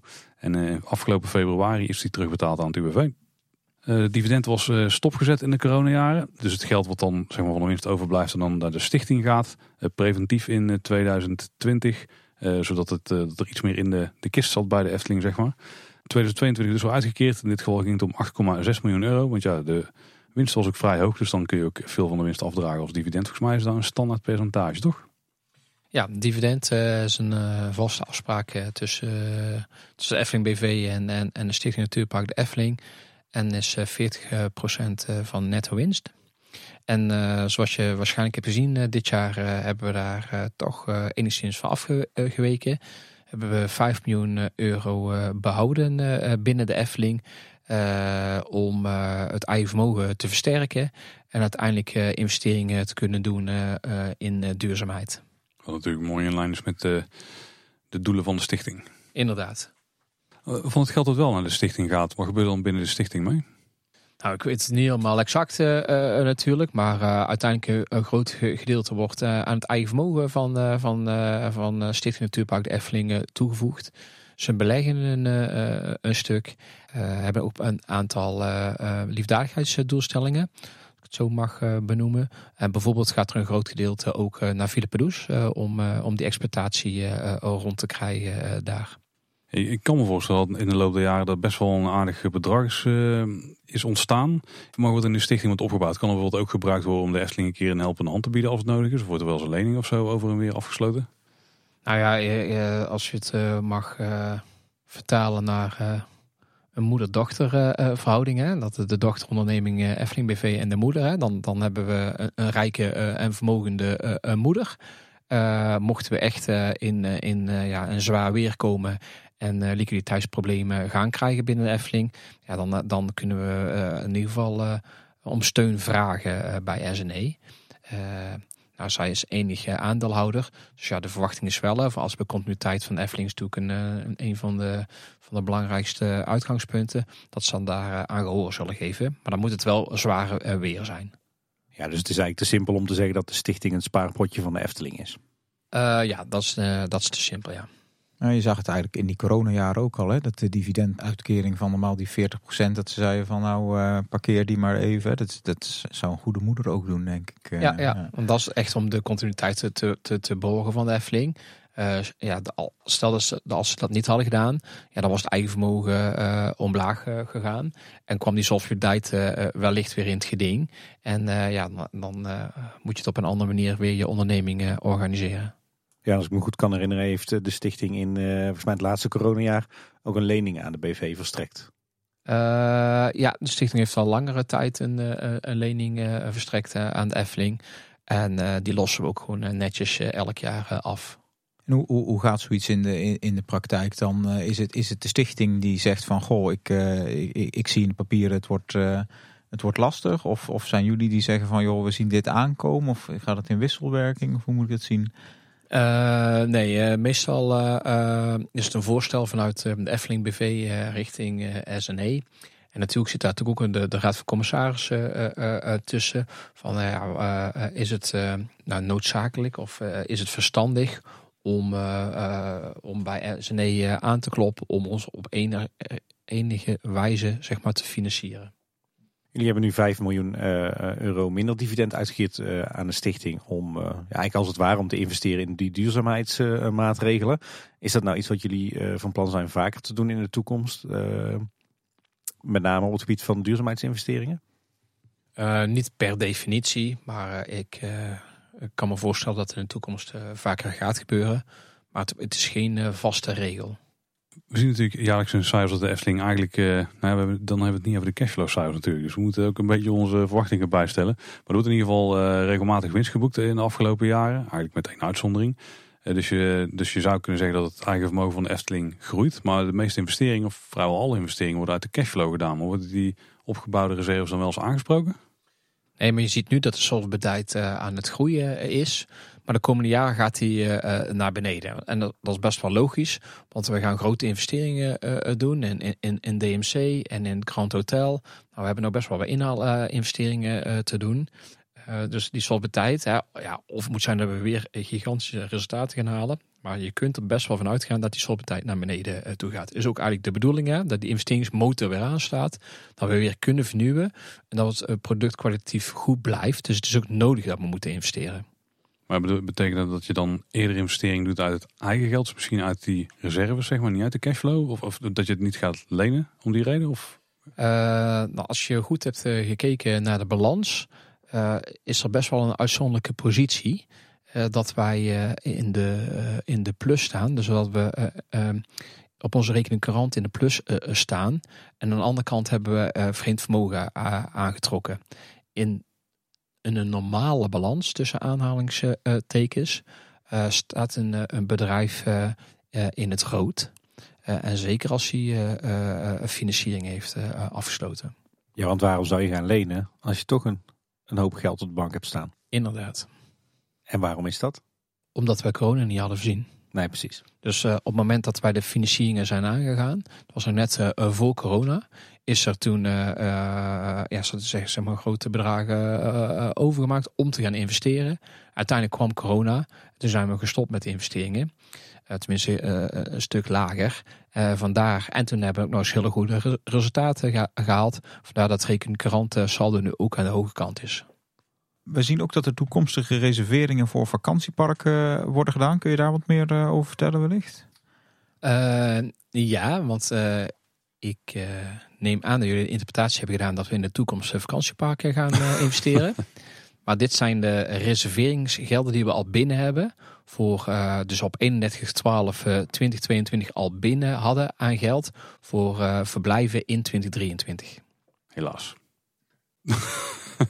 Ik heb nog wel een vraag. Hoe, hoe werken jullie? Je hebben één eigenaar eigenlijk, hè? dus de, de, de stichting heeft die, uh, vraagt hij winstdoelstellingen aan jullie? Of, of leggen jullie je die zelf op? Of hoe, hoe, hoe werkt zoiets? Is dat iets wat je overkomt? Of wordt er van tevoren gezegd, goh, wij willen hier naartoe? Nee, er zijn natuurlijk uh, bepaalde afspraken uh, gemaakt. Uh, en we moeten binnen ja, diverse ratio's blijven. blijven we daar binnen, dan dan is er uh, niets aan de hand. En dan wordt dus ook netjes uh, dividend uh, uitgekeerd richting, richting, richting de stichting. Nou, komen die ratio's onder druk te staan, dan is dat natuurlijk altijd een gesprek van onderwerp hoe we daarmee omgaan. Ja, we hebben het natuurlijk al eerder over gehad dat 2022 op, ja, toch op alle vlakken een recordjaar was. En nou, dat heeft jullie er onder andere toe doen besluiten om de NOW terug te betalen. Maar ook een, eh, een andere mooie geste, denk ik, aan het personeel. Of een verdiende beloning. Want er is in 2022 niet alleen een dertiende maand uitgekeerd. Maar we lezen in het jaarverslag ook dat er zelfs een veertiende maand is uitgekeerd uh, aan de medewerkers. En dan uh, quote ik even het jaarverslag. De directie heeft dit besluit genomen, aangezien het resultaat significant hoger is dan begroot. En met minder medewerkers bovengemiddeld is gepresteerd. En ook vanwege het huidige economische klimaat, waarbij die extra uitkeringen in die veertiende maand een tegemoetkoming is in uh, de gestegen kosten. Nou, ik denk uh, heel netjes, heel mooi. Zeker, ja. Onder het kopje marktontwikkeling en strategie vinden we ook nog een aantal uh, interessante dingen die we willen delen met jullie. Zo lezen we dat de Efteling werkt met vijf strategische pijlers. Belevingsconcepten, medewerkers, technologie, externe samenwerking en duurzaamheid. Volgens mij hebben we die ook ooit in een rapportje gezien, in zo'n mooie folder. Die, die komt vaker terug de afgelopen jaren, ja. De gastwaardering voor het park was een 8,6. Dit was nog een 8,3 in 2021. En die 8,6 is identiek aan het eh, pre-coronajaar 2019.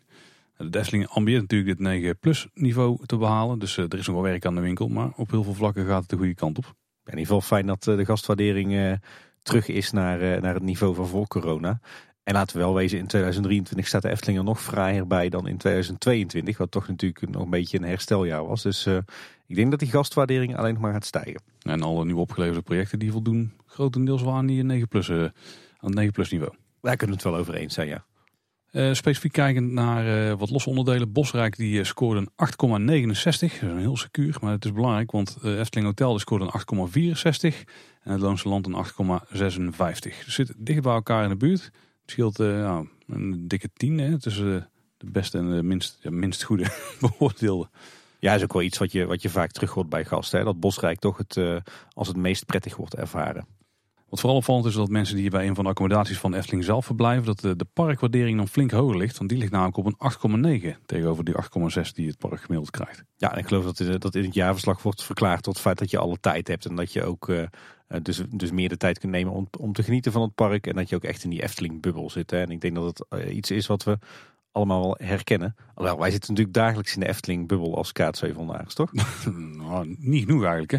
Nee, toch een huisje ja, ook een soort verblijfsgast. Uh, Alles van ons ligt in ieder geval. Ja. dat geldt voor jou ook, Roel. uh, de prijs-kwaliteitsverhouding die wordt uh, becijferd met een 7,8. Wat gelijk is aan 2019 en wat ik uh, zeer laag vind eigenlijk. Um, de net promoter score die is 62%. Dat is een stijging ten opzichte van 2021, maar een lichte daling ten opzichte van 2019 toen het 66% was. En die net promoter score is eigenlijk heel simpel gezegd, maar dat is misschien iets te kort de bocht. Zou je de Efteling aanbevelen aan anderen? En als het antwoord daarop uh, maar vaak genoeg positief is, dan ga je steeds sneller naar de 100%. De drukteperceptie die was een 7,1. Het was een 6,2 in 2019. En hoge cijfers in dit geval niet gunstiger, want uh, hoe hoger het cijfer, hoe meer drukte wordt ervaren. Dat is nog wel een belangrijk aandachtspunt voor de komende jaren. Gek eigenlijk, als je ziet hoeveel er geïnvesteerd is in uh, aangenamer wachten en ook ingrepen als een single rider line en dat soort eh, zaken. Je zou zeggen dat die, dat die drukteperceptie toch omlaag zou gaan. Ja, het was wel natuurlijk effectief drukker in het park. Dat is waar. Dus we hebben meer oppervlak nodig in het park om rond te kunnen struinen. Meer attracties om in te kunnen gaan. Op naar het oosten, hè? Bijvoorbeeld. Maar laten we eens in het centrum van het park beginnen. En ook uh, interessant om te lezen dat het aantal internationale gasten en het aandeel verblijfsgasten in 2022 weer hersteld is naar het niveau van 2019. En ver boven verwachting zijn de bezoekersaantallen van de, de gasten vanuit België, Duitsland, Frankrijk en het Verenigd Koninkrijk. Dat is mooi, hè? dat is een eh, teken aan de wand dat het goed gaat met de internationalisering. En eh, gezien de talen in eh, de boeken in het Sprookjesbos, nou, hebben ze daar in ieder geval de juiste keuze voor talen gemaakt. Ja, ik ben wel even benieuwd. Bas, misschien weet jij dat. Het lazen we niet in het, in het jaarverslag. Maar zijn er zo nog meer landen eh, die, die, die eh, opvallen als jullie kijken naar waar de bezoekers vandaan komen? Eh, ja, het meest opvallende land eh, in de overige bezoekers, als ik dat zo mag eh, zeggen, dus buiten de landen die hier eh, staan, is het land eh, Israël. Nou ja. Dus daar hebben we ook een groot aantal bezoekers van.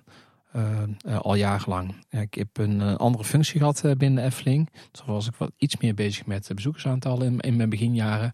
En toen kwam ik al heel vaak Israël tegen. En voor mijn gevoel ook komen er wel steeds meer mensen uit de Verenigde Staten en China. Is dat iets wat jullie ook terugzien? Ja, daar zien we wel terug. Maar er zijn natuurlijk eh, absoluut eh, nog hele lage aantallen. Maar die nemen wel toe. Maar dan, dan heb je het niet over tienduizenden eh, bezoekers. Maar eerder over duizenden. En weet je het van mensen die dagtickets komen ook altijd? Want die bestellen gewoon met een e-mailadres en een naam. Nee, je weet het niet altijd, maar er- we hebben wel wat data ter beschikking waar we het in kunnen zien. En in de toekomst eh, gaat het alleen maar eh, beter eh, worden. De, systemen worden steeds slimmer. Dus eh, we hebben straks meer data ter beschikking om te zien waar onze bezoeker eh, vandaan komt.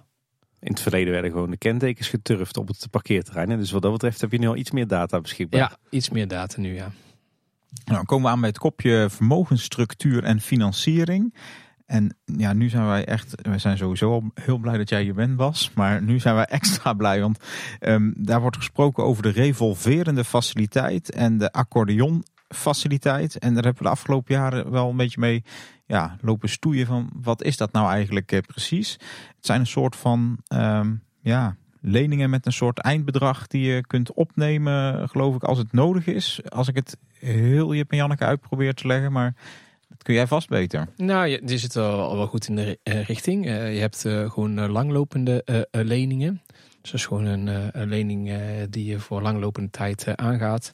En je hebt zeg maar werkkapitaalleningen. En werkkapitaal is uiteindelijk je rekeningkrant. Zoals je thuis zeg maar ook een bankrekening hebt. En op je bankrekening mag je in het rood staan. Dus, en dat noemen ze in eerste instantie een revolverende faciliteit. Hè. Tot hoe ver mag je rood staan op de bank.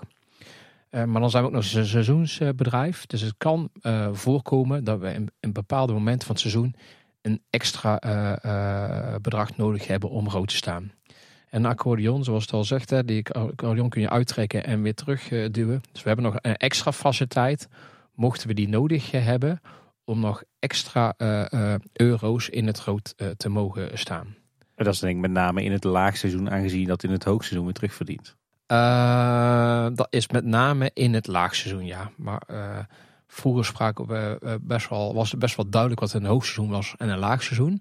En dat wordt steeds minder. Dus het is gedurende het jaar zijn er niet meer zo heel veel weken wat echt laag laagseizoen is, zoals we het vroeger ook zagen.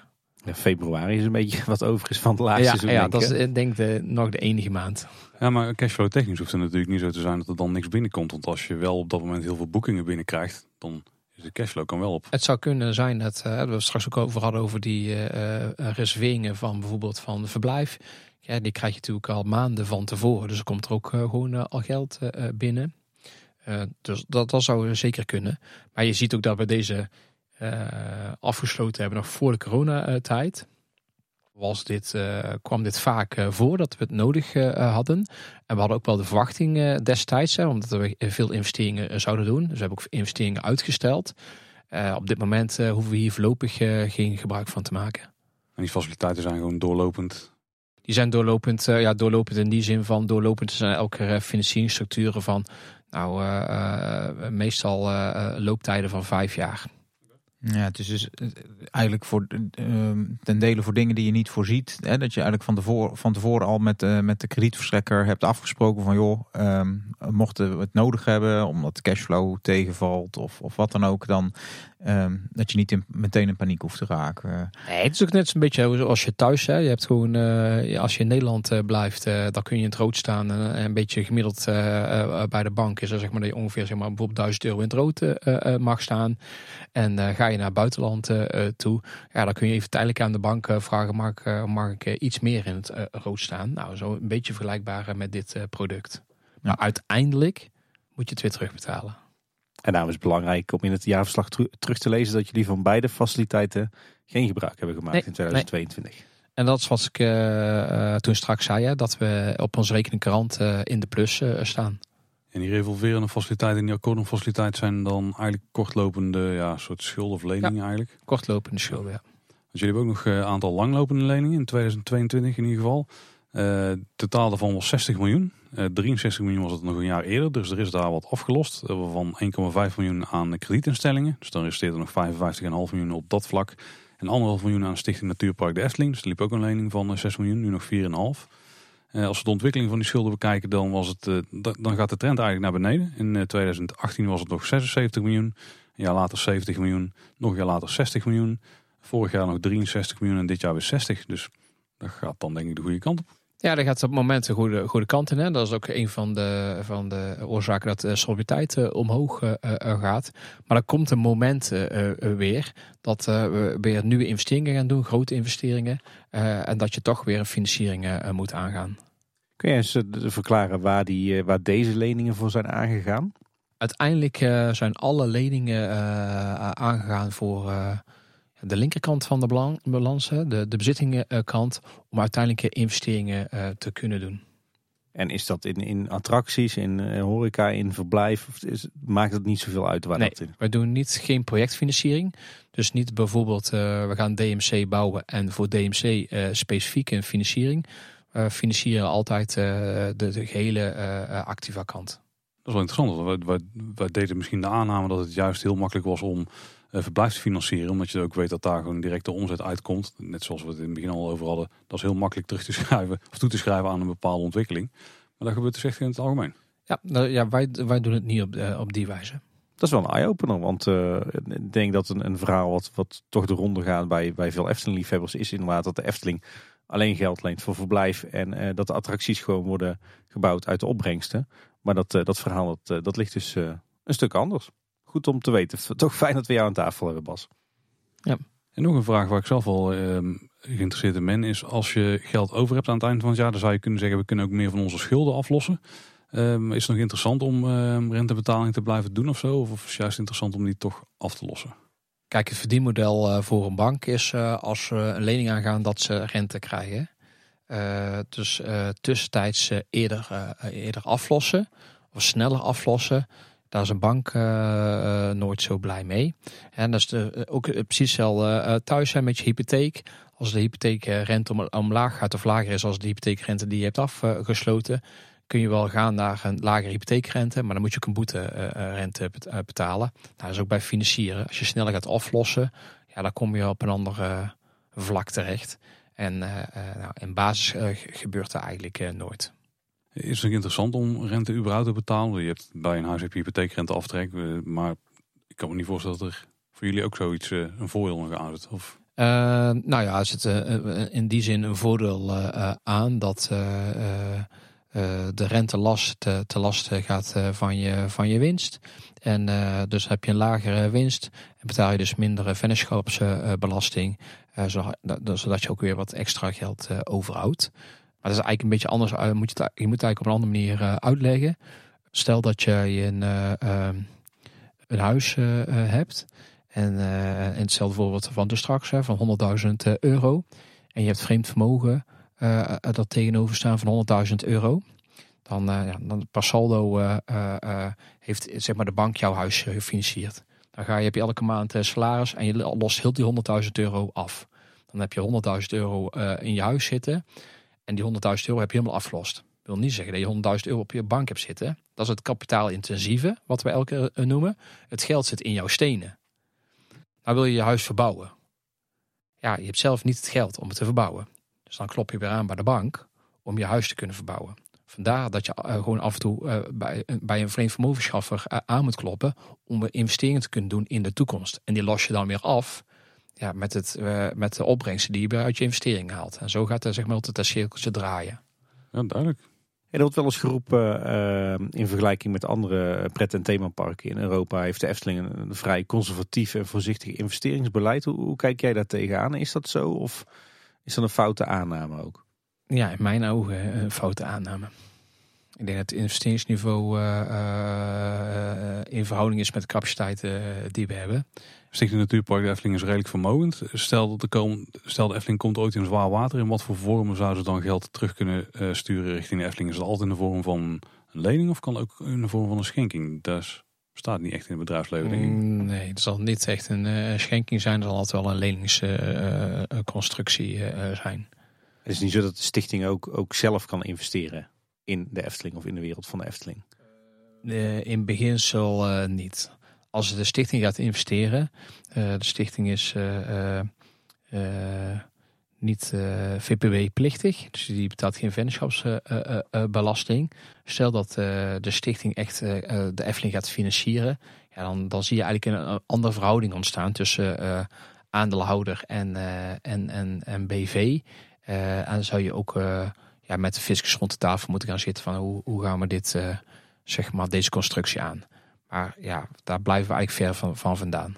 We lezen in het jaarverslag ook dat de Efteling werkt met derivaten ter afdekking van, uh, van risico's. Kun je ons daar wat, uh, wat meer over vertellen? Wat, wat, wat zijn derivaten en, en hoe maakt de Efteling daar gebruik van? een derivaat is, is een financieel product. Een, je kunt het best wel vergelijken met een soort verzekering. Nou, uh, afgelopen jaren heb je bijvoorbeeld gezien in de hypotheekmarkt dat in het begin van het jaar was de hypotheekrente best wel uh, laag en op het eind van het jaar was de hypotheekrente heel erg hoog. Dus, dus als je als privépersoon een huis wilde kopen, was het in het begin van het jaar kon je beter een, een, lening aangaan en een huis kopen dan het eind van het jaar. Om zo'n risico te, te, af te dekken, dat je bijvoorbeeld een rentestijging afdekt, je zegt van oké, ik wil gewoon de lage rente behouden en dat ik die ook moet betalen, kun je een derivaat inzetten. En die derivaat, daarom noem ik het een, een, soort verzekering, daar betaal je een premie voor. Maar dan weet je wel zeker dat de rente niet hoger wordt voor jou. En dat is een, dat is een derivaat. En er zijn verschillende soorten derivaten, maar dit is een voorbeeld ervan. Dat is wel anders dan de derivaten die jullie vroeger hadden bij uh, Smulpap. ja, laten we doorgaan naar het uh, volgende hoofdstukje. En dan gaan we door naar de balans en afschrijvingen. We gaan niet de hele balans doorlopen, want dat is niet super interessant denk ik. Maar Roel, er waren wel een aantal dingen die jij nog wilde weten erover. Ja, ik eh, ben eigenlijk wel benieuwd. Hoe, hoe bepaal je nou eigenlijk de, de, de waarde van een, uh, van een attractie? We zien bijvoorbeeld dat er tussen 2021 en 2022 ruim 2 miljoen euro is, uh, is afgeschreven. Ik weet dat de Belastingdienst volgens mij allerlei afschrijvingspercentages ook hanteert die je verplicht moet, moet doen. Maar een attractie is natuurlijk wel uh, iets anders. Uh, ja, dat, gebeurt niet zoveel. Hoe, hoe um, zijn daar ook percentages voor vastgesteld? Gaan jullie daarvoor om tafel? Of hoe, hoe werkt zoiets? Uh, nee, het is, er zijn gewoon reguliere boekhoudregels. Kijk, de waarde van een attractie op de balans is de waarde die je hebt betaald voor, voor, voor het goed. en uiteindelijk wat je erop af hebt geschreven. Dus als jij 100 euro hebt betaald aan de leverancier voor, uh, voor uh, ja, ik noem maar een moertje. Er staat er 100 euro op de balans. En als je die in vijf jaar afschrijft, dan gaat er vijf jaar elk jaar een bedrag vanaf. Dat is de waarde. Dat is de boekwaarde. heeft niets te maken met de marktwaarde, is gewoon de boekwaarde. Afschrijvingspercentages heeft te maken met de economische en technische levensduur van, een, van een goed. Dus als een attractie nou noem maar weer een bedrag. Eh, stel dat een attractie 10 eh, miljoen eh, euro is en die attractie gaat maar vijf jaar mee. Dan wordt die in vijf jaar afgeschreven en wordt er elk jaar 2 miljoen in het resultaat genomen. Maar stel dat een attractie 20 jaar mee gaat, dan wordt die in 20 jaar afgeschreven. Dan ga je niet voor elk actief een aparte afschrijvingspercentage hanteren. Dus wat je vaak ziet is vijf jaar, uh, eh, 7 jaar, 10 jaar, 15 jaar, 20 jaar, 30 jaar. Dat zijn een beetje de reguliere afschrijvingspercentages. Maar het heeft dus te maken hoe lang krijg je economische voordelen van het uh, actief waar je in hebt uh, Dat is nog steeds wel ingewikkeld om dat te bepalen, lijkt me. Of is het, want het voelt bijna als uh, vingerspitsengevoel. Nee, nee dus op zich is het best wel, uh, best wel uh, makkelijk eigenlijk. Want je hebt ook best wel historische data. Bijvoorbeeld, wij weten bij hotels en resorts... na hoeveel jaren we bijvoorbeeld een kamer weer gaan verbouwen of upgraden. Je weet best wel goed hoe lang een een, een bed bijvoorbeeld meegaat bij, bij hotels en resorts. Je weet ook wel goed hoe lang een computer meegaat. Hoe lang kun je gebruik maken van een computer. Nou, zo, daar zijn die afschrijvingspercentages op gebaseerd. Bij attracties weer wel complex, denk ik. Is er dan een wezenlijk verschil bijvoorbeeld in de afschrijftijd van een achtbaan ten opzichte van een dark ride of van een sprookje? nee, voor attracties gebruiken we altijd hetzelfde afschrijvingspercentage. Ah, ja. En wat is dan de standaard economische levensduur van een Efteling attractie? Ehm, ja, dat is best wel een, uh, een moeilijke. Maar we schrijven 20% van de boekwaarde af. Dat betekent dat je de eerste 10 jaar best wel een groot bedrag al afschrijft. Na 20 jaar blijft er iets minder over. En dan hebben we nog 5 jaar wat we lineair afschrijven. Dus een attractie, als je die volledig zou afschrijven, dan doen we daar 25 jaar over.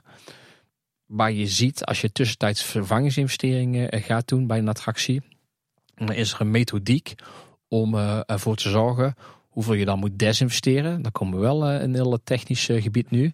dan ga je een groot gedeelte toch van die oorspronkelijke investering desinvesteren en die vervangingsinvestering weer activeren.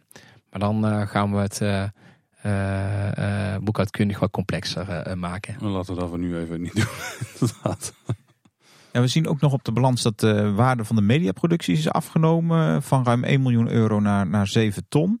Um, betekent dat dan dat er dus meer op is afgeschreven dan dat erin wordt geïnvesteerd? Kunnen we het zo zien? Ja, dan hebben we meer eh, afgeschreven dan, uh, dan geïnvesteerd.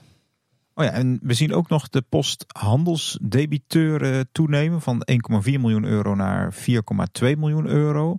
De debiteuren zijn volgens mij um, um, bedrijven of eh, personen van wie jij nog geld uh, te goed hebt. Het ziet er uh, risicovol uit. Nee, want dit is vergelijking met 2021, 2022. Dus dat is echt een. Uh, nou, in verhouding van de, de totale balans uh, totale is dit gewoon een, uh, ja, een minimaal bedrag en absoluut geen, geen risico. En, en zeg maar debiteuren, wanneer debiteuren gaan betalen, dat is een activiteit die natuurlijk ook binnen mijn team wordt bijgehouden. En dan kijken we heel erg goed naar van zijn er debiteuren die zeg maar al langer dan 60 of 90 dagen bijvoorbeeld niet hebben betaald. Ja, dan hebben we het echt over risico's. Maar dat komt zelden, zelden voor. Dan sturen jullie de boze wolf op ze af als een soort Eftelingse deurwaarder. Ja, of grootkrap, ja. Wij doen het altijd. We beginnen eerst met iets positiefs. Ja, ja, precies. Je vangt meer vliegen met, uh, met honing dan azijn, was het toch of zo? Ja, of met een schrobbellegje. In het kopje vooruitzichten zien we ook nog een paar interessante dingen. Nou, het begint natuurlijk met de, de onzekerheden die uh, leven in de wereld. Uh, die worden ook beschreven. de situatie in Oekraïne wordt daarbij aangehaald. De inflatie en de economische omstandigheden. In het jaarverslag werd geschreven dat de impact op de voorgenomen investeringen vooralsnog beperkt zijn. Dus dat lijkt gunstig. Ondanks de gestegen investering is, is het verwachte rendement positief. Nou, dit is echt uh, taal. Komt die rechtstreeks uit jouw pen, uh, Bas? Of? Uh, nee, niet uit mijn pen. niet rechtstreeks. Het is wel erg rooskleurig in ieder geval. Wij worden hier wel vrolijk van, toch? Nee, maar als, als we het even vertalen naar de financiële uh, speak, om het zo te noemen, dan uh, wordt er dus continu worden, worden die berekeningen opnieuw gedaan van oké, is het rendement dat we hieruit gaan halen, is dat nog steeds het groene vinkje wat erachter staat? Nee, er zijn natuurlijk onzekerheden. Hè? Dus uh, al die zaken die hier staan, die, die, die kunnen een gevolg uh, hebben. Uh, ene kant in de dagelijkse opeраtie kan het gevolg hebben waar je moet bijsturen. Uh, ook Oekraïne heeft ook gevolg dat gewoon dagprijzen van, van bijvoorbeeld food en beverage vele malen hoger worden. Dat is een risico. Maar bijvoorbeeld uh, inflatie en kosten van materiaal uh, en dan en, en specifiek bouwmateriaal en bijvoorbeeld voor DMC en bijvoorbeeld voor Grand Hotel is wel iets waar je in de gaten moet houden. Uh, is een zo'n investering nog rendabel of is zo'n investering niet rendabel? en dat kan in het gedrang komen. komen. Nou, op dit moment is dat niet zo. en dat monitoren we eigenlijk ja, gewoon, gewoon dagelijks van hoe, hoe ziet de stand van van de investeringen eruit en gaan we daar een risico uh, lopen. Uh, in het uiterste geval, stel je er dus wel een groot risico loopt, dan kan het dus voorkomen dat een bouwproject stil wordt gezet. Maar in dit geval gaan we er zeker niet vanuit dat, er, dat dat gaat gebeuren. Is dan ook een optie dat je zegt van weet je wat, ik ga vast al die materialen maar kopen. Waar we, nu weet ik in ieder geval dat ze niet dat dit de vaste prijs is. En we slaan ze ergens op. Of Ja, dat zou een optie eh, eh, kunnen zijn. Maar helaas, eh, in, de, ik noem het maar in de echte wereld eh, werkt het niet eh, zo. Ja, je moet toch onderhandelingen voeren. En dat is niet zeg maar vandaag koop ik een achtbaan en morgen is, je- is, is je er. Dat gaat over staal. Is er staal beschikbaar? Waar moet de staal vandaan komen? Als de verwachting is dat staalprijzen omhoog gaan, als wij weten dat dat zo is, dan weet heel de wereld dat het Ja. zo is. Dus het is niet zo makkelijk van we kopen het en we slaan het op. En ook opslaan van materiaal kost geld. Eh, en als je materiaal opslaat en de investering gaat uiteindelijk niet door, loop je daar weer een risico. Dus elke keer weer afwegen van eh, wat gaan we doen. En dat zijn afwegingen eh, ja, die we zeg maar dagelijks maken. De afdeling finance krijgt een steeds diepere betekenis, Tim. Ik leer steeds meer over wat er dagelijks gebeurt. nou, vandaar die 35 mensen die daar werken. Zo ja. Nou, we lezen ook dat het personeelsbestand in 2023 beperkt zal gaan groeien. Maar in 2024 zijn er meer mensen nodig. Want logischerwijs openen op dat moment het Efteling Grand Hotel en het Dans Macabre. Iets wat ik me daar nou wel bij afvraag, eh, Bas, nou, nou ja, hier toch zit. Is het ook zo dat jullie een meevallertje hebben qua eh, personeelsbestand, eh, doordat het café-restaurant nu Kasba is geworden en dat is bemenst met mensen van Laplace. En dat jullie dus de, de, het Efteling-personeel dat voorheen op dat restaurant werkte, hebben kunnen verdelen over de, de andere horecapunten in het park? Mm, Nee, dat is echt eh, marginaal. Ik denk dat het is een grotere uitdaging om eh, eh, arbeidskrachten binnen te krijgen dan eh, dat we een herverdeling hebben gedaan. Dus wat dat betreft, eh, er is eh, altijd in verhouding heel veel instroom en uitstroom. Dus wat dat betreft eh, is dat geen, eh, geen gelukje. Maar wel fijn dat die mensen in ieder geval elders in de Efteling. Nee, zeker, zeker, zeker. Zeker dat we eh, natuurlijk die mensen kunnen behouden. Eh, En verder lezen we nog dat er onderwerpverantwoordelijken worden aangesteld voor cultuur en verandering, creatief gedachtegoed en technologische innovatie. Het zijn een soort eh, kwartiermakers of zo, of eh, programmamanagers. Weet je dat, hoe dat zit, Bas? Nou, we, we willen wat, wat, wat meer eh, aandacht eh, geven aan deze onderwerpen. En eh, eh, daar in de toekomst natuurlijk ook eh, meer mee doen. En dan staat hier heel netjes uh, ontwerpverantwoordelijke. maar er zijn een aantal, eh, in dit geval eh, managers, die eh, met, dit, eh, met deze onderwerpen aan de slag eh, eh, zijn. En eh, eh, een, ja, in een later stadium eh, gaan uitrollen. Denk ik wel drie onderwerpen waar wij eh, wel voor zijn, dat daar meer aandacht aan besteed wordt. Zeker. En ik eh, heb wel wat mensen op het oog waarvan ik denk van, oh, dat zou die eens kunnen zijn. Ja, dan zijn we eigenlijk door het eh, jaarverslag aan zich heen. En dan kunnen we ja, wederom eigenlijk een conclusie trekken. Misschien is die wel hetzelfde in het begin. Want het was gewoon een topjaar, hè? 2022 voor de Efteling.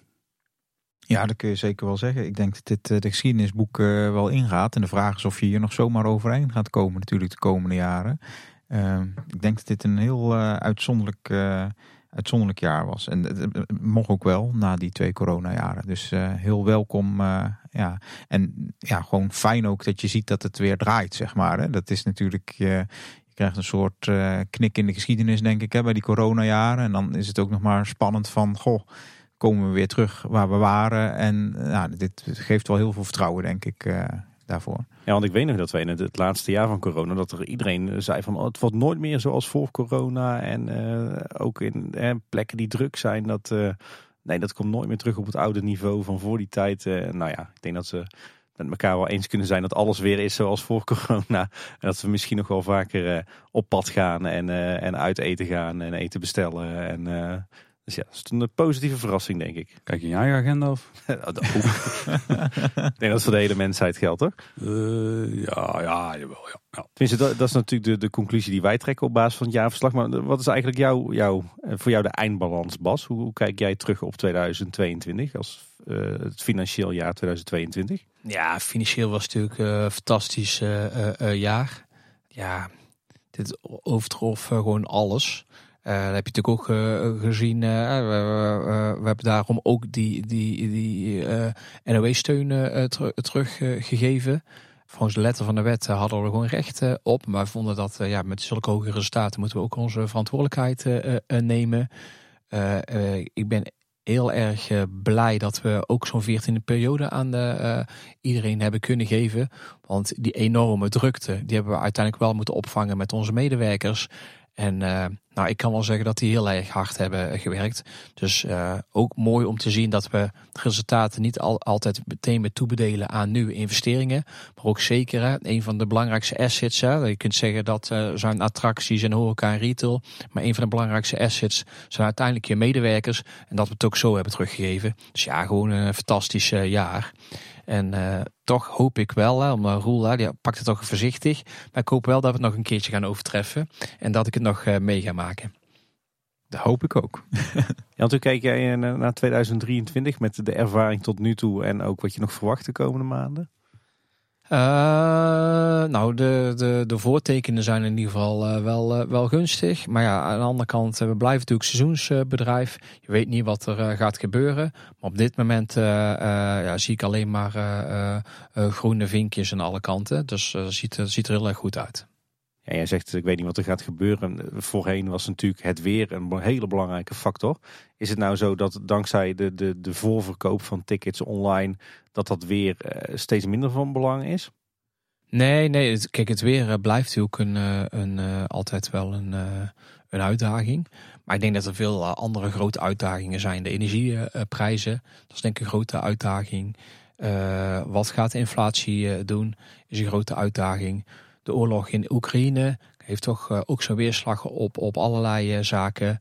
Uh, de arbeidskrachten binnen de markt. Hè, zijn er genoeg arbeidskrachten binnen de markt? Well, ja, wat voor effect gaat het hebben zometeen met producten bijvoorbeeld uit China? wordt die, worden die ja, goedkoper zullen ze waarschijnlijk niet worden, maar wel duurder. Maar komen ze nog aan in de haven in Rotterdam?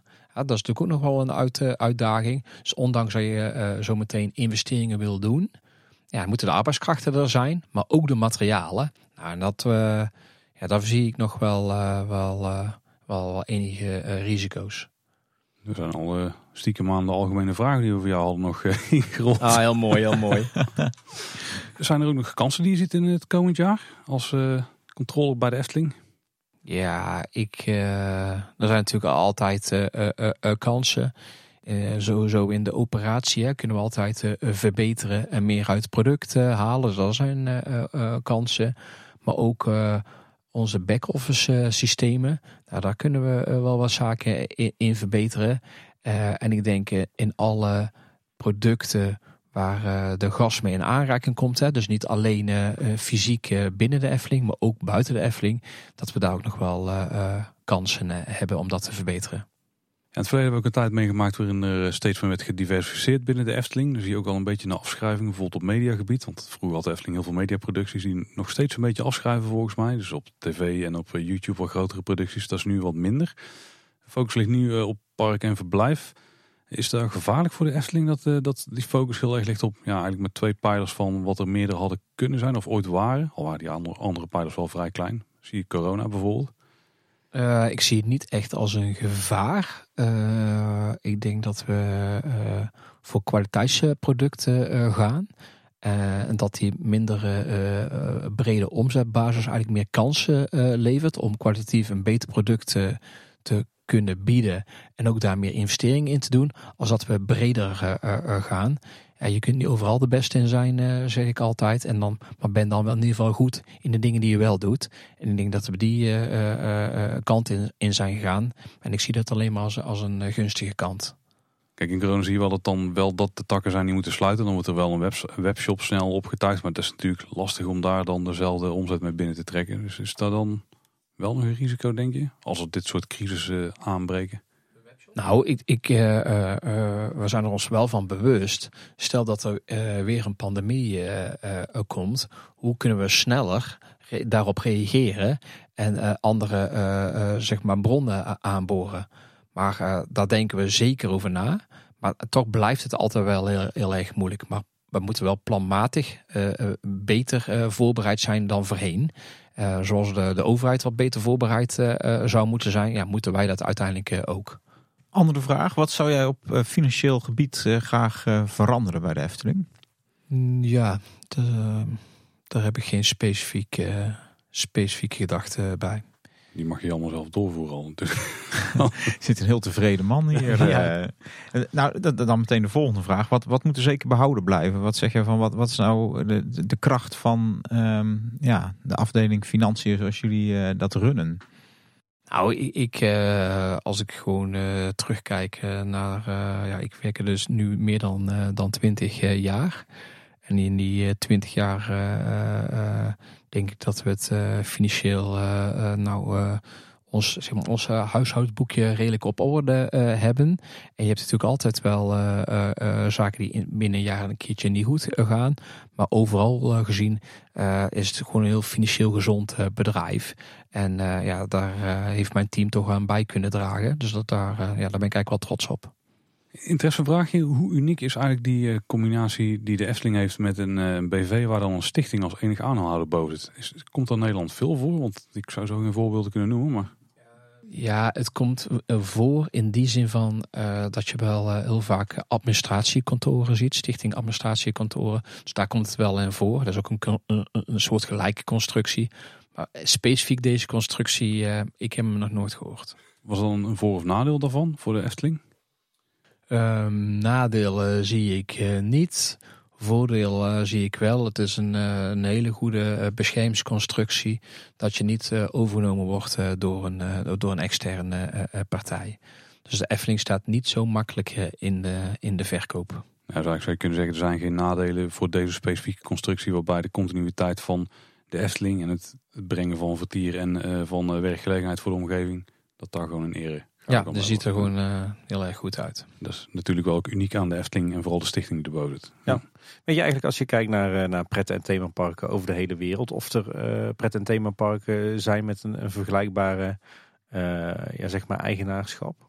Nee, ik denk dat wereldwijd het, het zeker niet voorkomt. Dus buiten de grenzen van Nederland kan ik het me al helemaal niet voorstellen. Nee, dat is toch vaak een, eh, gewoon een, eh, een bedrijf of onder een familiebedrijf of onderdeel van een grotere parkengroep.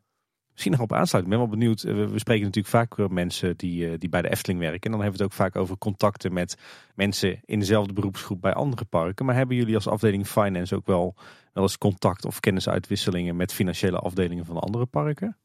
Ja, ik eh, verwacht dat jullie wel van het bestaan van de Club van Elf eh, op de hoogte eh, zijn. Ja. Dus daar in die groep en die doendadigheid eh hebben we zeker twee keer in het jaar, maar vaak meer dan twee keer per jaar met elkaar, de, zeg maar de financiële secties met elkaar contact.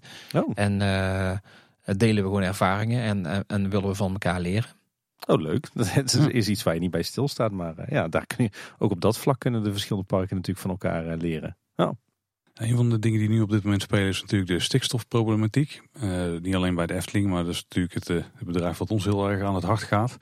Eh, stel, daardoor zou de Efteling in de toekomst niet mogen groeien. Zijn er dan financiële, of in ieder geval op financieel vlak mogelijkheden om wel de toekomst van de Efteling nog te verzekeren? Want je zei net al, niet investeren is stilstand, stilstand is achteruitgang. Hoe zou dat op termijn kunnen gaan werken bij de Efteling? Stel dat dit eh, echt een probleem eh, zou gaan worden, echt voor de lange eh, termijn. Ja, dan moet je, eh, als dit gaat voorkomen, moet je ook weer naar oplossingen eh, zoeken. En oplossingen zijn er eh, altijd. Dus dat is ook altijd wel eh, groei te bewerkstelligen. En dan, dan wordt het meer, wat is dan de definitie eh, van groei? Maar natuurlijk ook binnen de, eh, eh, de huidige eh, hekken van de Efteling zijn er nog wel groeimogelijkheden. Maar die zullen dan ergens eindig eh, eh, zijn. Nou ja, daar zal altijd wel weer een oplossing eh, voor komen zodat eh, voor elk probleem komt er ook wel weer een, een nieuwe oplossing en kun je weer een nieuwe, nieuwe weg inslaan. Dus ik zie dat niet echt op financieel gebied niet echt als een, als een risico. Ik zie het wel als een, eh, ja, als een uitdaging. Ja. En natuurlijk wil je het niet dat het voorkomt. Laat ik daar even voorop stellen. Je, je ziet natuurlijk op de wereld dat er eh, pret- en themaparken zijn met, met, met groeipijnen. Hè. De- Denk aan Disney, denk aan Fantasieland. En het lijkt wel een trend te zijn dat zij er dan voor kiezen van, weet je wat? Wij focussen ons dan niet meer op die bezoekersaantallen. Eh, we gaan die entreeprijs flink ophogen en de, de prijs in de horeca en, en hard ticket events eh, organiseren. Waardoor de bezoekersaantallen gelijk kunnen blijven of omlaag kunnen gaan. Eh, maar uiteindelijk onderaan de streep dat er meer geld wordt verdiend. Waarmee eigenlijk van die parken een soort luxe product wordt gemaakt. Bijna voor de elite zou je kunnen zeggen. Ehm, er wordt vaak gezegd, dat moet de Efteling ook doen. Dat is de, de sleutel tot alles. Hoe denk jij daarover? Nou ja, wij willen in basis eh, toegankelijk zijn eh, eh, voor eh, eh, ieder persoon eh, binnen Nederland. Dus eh, die, die weg gaan we sowieso eh, niet be- eh, be- bewandelen van een elite eh, eh, product. Eh, ik denk dat er gezonde verhouding mo- moet zijn tussen de entreeprijs en het aantal eh, eh, bezoekers. Eh, eh, het aantal bezoekers gelijk houden en je entreeprijs omhoog. Ja, vraag ik me af of dat eh, een juist uitgangspunt eh, zou zijn. In ieder geval eh, in mijn ogen niet voor de Efteling. En daarmee is de Efteling heel bijzonder in de markt, denk ik. Dat kun je wel zeggen. Nou Bas, jij zit hier nu aan tafel. Iemand van de financiële afdeling hebben we niet in kleine boodschap eh, gehad. En we hebben een paar standaard vragen altijd voor onze gasten. Dus die willen we ook jou voorleggen, onze uitsmijters. En eh nou ja, was de traditie altijd, Tim? Ja, die, de antwoorden moeten snel en kort zijn, hè? Wat, wat in de praktijk nooit lukt. Lukt nooit, nee. Nou misschien wel even een inleidende vraag. eh, los van het feit dat jij de financiële man van de Efteling bent. Eh, Zie jij jezelf ook als Efteling-liefhebber? Ja, ik, ik, eh, ik heb een beetje een gevoel wat jullie de, de definitie van Efteling-liefhebber vinden. Maar ik heb wel een, een bovengemiddelde interesse. Ik heb een, eh, een dochter, maar die is inmiddels 16. Dus die zit in de fase dat ze alleen eh, naar de Efteling gaat. Zeker in de kinderjaren eh, was ik regelmatig in de Efteling in, in mijn privé-tijd. Nu wat minder. Maar ik hou natuurlijk wel alles in de gaten. Dus dat vind ik dan wel weer heel erg leuk.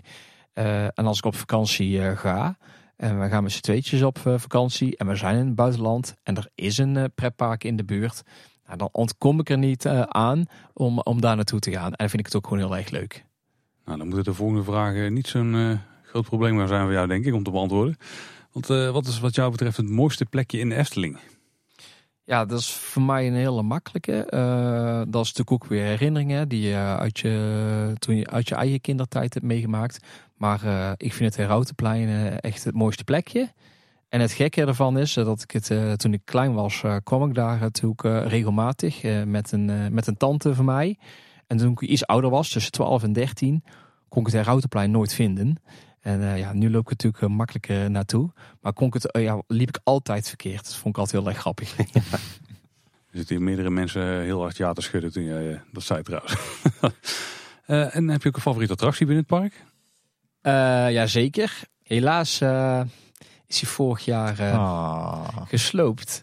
Eh, maar het spookslot eh, was en eigenlijk is nog steeds mijn favoriete attractie. Omdat ik ja, het qua vormgeving en achter de schermen. Wel, als we het dan over storingen hebben, hè, tegenwoordig is alles digitaal en elektronisch en mechanica, gaat alles kapot en kost het heel, heel erg veel geld. En eh, ja, het spookslot eh, draait eigenlijk altijd. En nou ja, dat vond ik echt fantastisch. Gewoon met simpele oplossingen bewegende delen eh, maken. Was dat puur uit conceptueel oogpunt of ook vanuit financieel oogpunt? Allebei.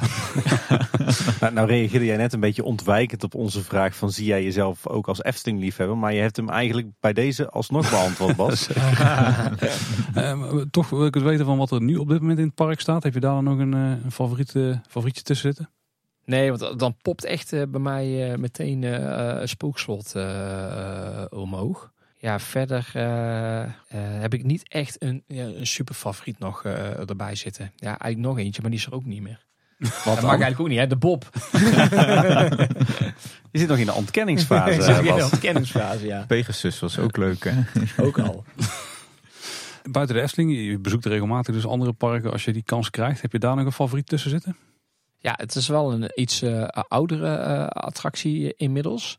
Maar eh, Sorin, ik denk dat jullie die al Ja, kennen, in. Epcot in, in Orlando. Toen ik daar voor de allereerste keer inging, en dat is nu al, ik denk, ja, zeker meer dan tien jaar geleden. Ik denk nog wel langer. Ja, vond ik het zo overweldigend mooi. En, en, en dat je door de lucht zweeft en de lucht langs je komt en dan boven die velden, vond ik echt fantastisch. Dus eh, dat is nog steeds mijn favoriet. En ook nog een favoriet park buiten de Efteling? Nou, als ik het dan eh, echt mag benoemen, vind ik toch nog wel steeds Europa Park het eh, mooiste. En ik eh, hoop dit jaar in eh, eh, Disneyland Hongkong eh, te mogen komen. Dus ik ben benieuwd eh, eh, op welk niveau het daar is. Hoog. Hoog. Ik hoop het. Zeker een keer of tien in Mystic Manor gaan, zou ik zeggen. Oeh, ja, zeker. Ja, en even een, een afsluitende vraag, Bas. Hier ben ik heel benieuwd naar. Heb jij het ooit zo lang over de jaarcijfers van de Efteling gehad in de buitenwereld? Nee, in de buitenwereld absoluut eh, niet. niet bij de kapper, niet op een verjaardag en, en, en zeker ook niet met, eh, met andere eh, mensen, nee. Dus eh, wat dat betreft eh, eh, nogmaals eh, dank voor de uitnodiging en, eh, en ik vond het hartstikke leuk om hier aan mogen eh, deelnemen. Ik heb wel het vermoeden Tim, dat de interne discussies eh, wel iets langer duren dan, eh, dan hier. Of niet discussies, maar gesprekken over de jaarrekening. ja. ja, nee, ik denk niet dat ze dat in een, eh, in een, in een avond afhandelen. Nee. Nee. Nou ja, graag bedankt gedaan. En ja, vooral jij bedankt dat je, dat je hier aan wilde schuiven. En, eh, en eh, ja, echt nou, de echte toelichting wil geven op het, eh, het jaarverslag. Ja, geen dank. Ja, en Roel natuurlijk ook bedankt. En voor iedereen die het zich trouwens al zit af te vragen de afgelopen, ik, ik heb geen idee, 2,5 uur of zo. Het is geen familie hè? Nee, nee, Nee, nee, absoluut nee, nee, nee, nee. Ik wou zeggen absoluut Het is niet, best maar het is wonderlijk geen, geen eigenlijk. familie. Maar eh, nee, We hebben nog een link proberen te vinden. Maar Roel, ook eh, bedankt dat je weer wilde heel aansluiten. graag gedaan. Heel graag Nou, gedaan. dank voor jouw expertise. Zullen, zullen we er een gewoonte van maken? De Van Tilborgjes aan tafel bij eh, de aflevering over financiën van de Efteling.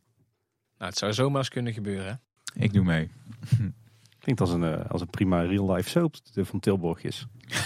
Tim, je bent een concept aan het bedenken waar we bij zitten met z'n allen. Ehm, willen mensen nou een vraag aan ons kwijt? Willen ze nog iets meer weten over de financiën van de Efteling? Voor zover wij ze kunnen beantwoorden, want we kunnen niet alles doorpassen naar Bas natuurlijk. Dan eh, kun je ons via social media bijvoorbeeld bereiken. Als je naar kleineboodschap.com slash volgen gaat, dan vind je alle social media kanalen waar je ons kunt bereiken. Als je gewoon ouderwets wilt mailen, dat kan ook. info.kleineboodschap.com en dan komt de mail bij ons uit. Maar wil je dan via contactformuliertje wat sturen, ook dat kan altijd in kleineboodschap.com slash contact. Middelgroot bericht sturen. Kunnen de mensen ook naar vantilborg.kleineboodschap.com mailen of niet? Oeh, ik weet niet of ik een catch-all heb eh, aanstaan. Nou, misschien wel. Ja, en Kleine Boodschap luister je natuurlijk eh, in je favoriete podcast-app of op Spotify. Eh, doe je dat, zorg dan dat je je zeker abonneert. Eh, maar natuurlijk kan je ons ook gewoon luisteren op de website. Dat is kleineboodschap.com. Eh, verder kan je onze podcast een rating geven of een review in verschillende podcast-apps en ook op Spotify. Dat kunnen we altijd zeer waarderen. Wat we ook heel erg kunnen waarderen, is als jij vrienden of bekenden vertelt over Kleine Boodschap. Misschien heb je wel iemand in je omgeving die, die heel erg bezig is met financiën of economie, bijvoorbeeld in zijn of haar werk. Ik kan me zomaar voorstellen dat eh, deze aflevering daar extra interessant voor is. Zeker. Nou, heren, beiden nogmaals dank. Luisteraars, was weer voor deze keer. Bedankt voor het luisteren. Tot de volgende keer. En houdoe. Houdoe waar. Houdoe. Doei.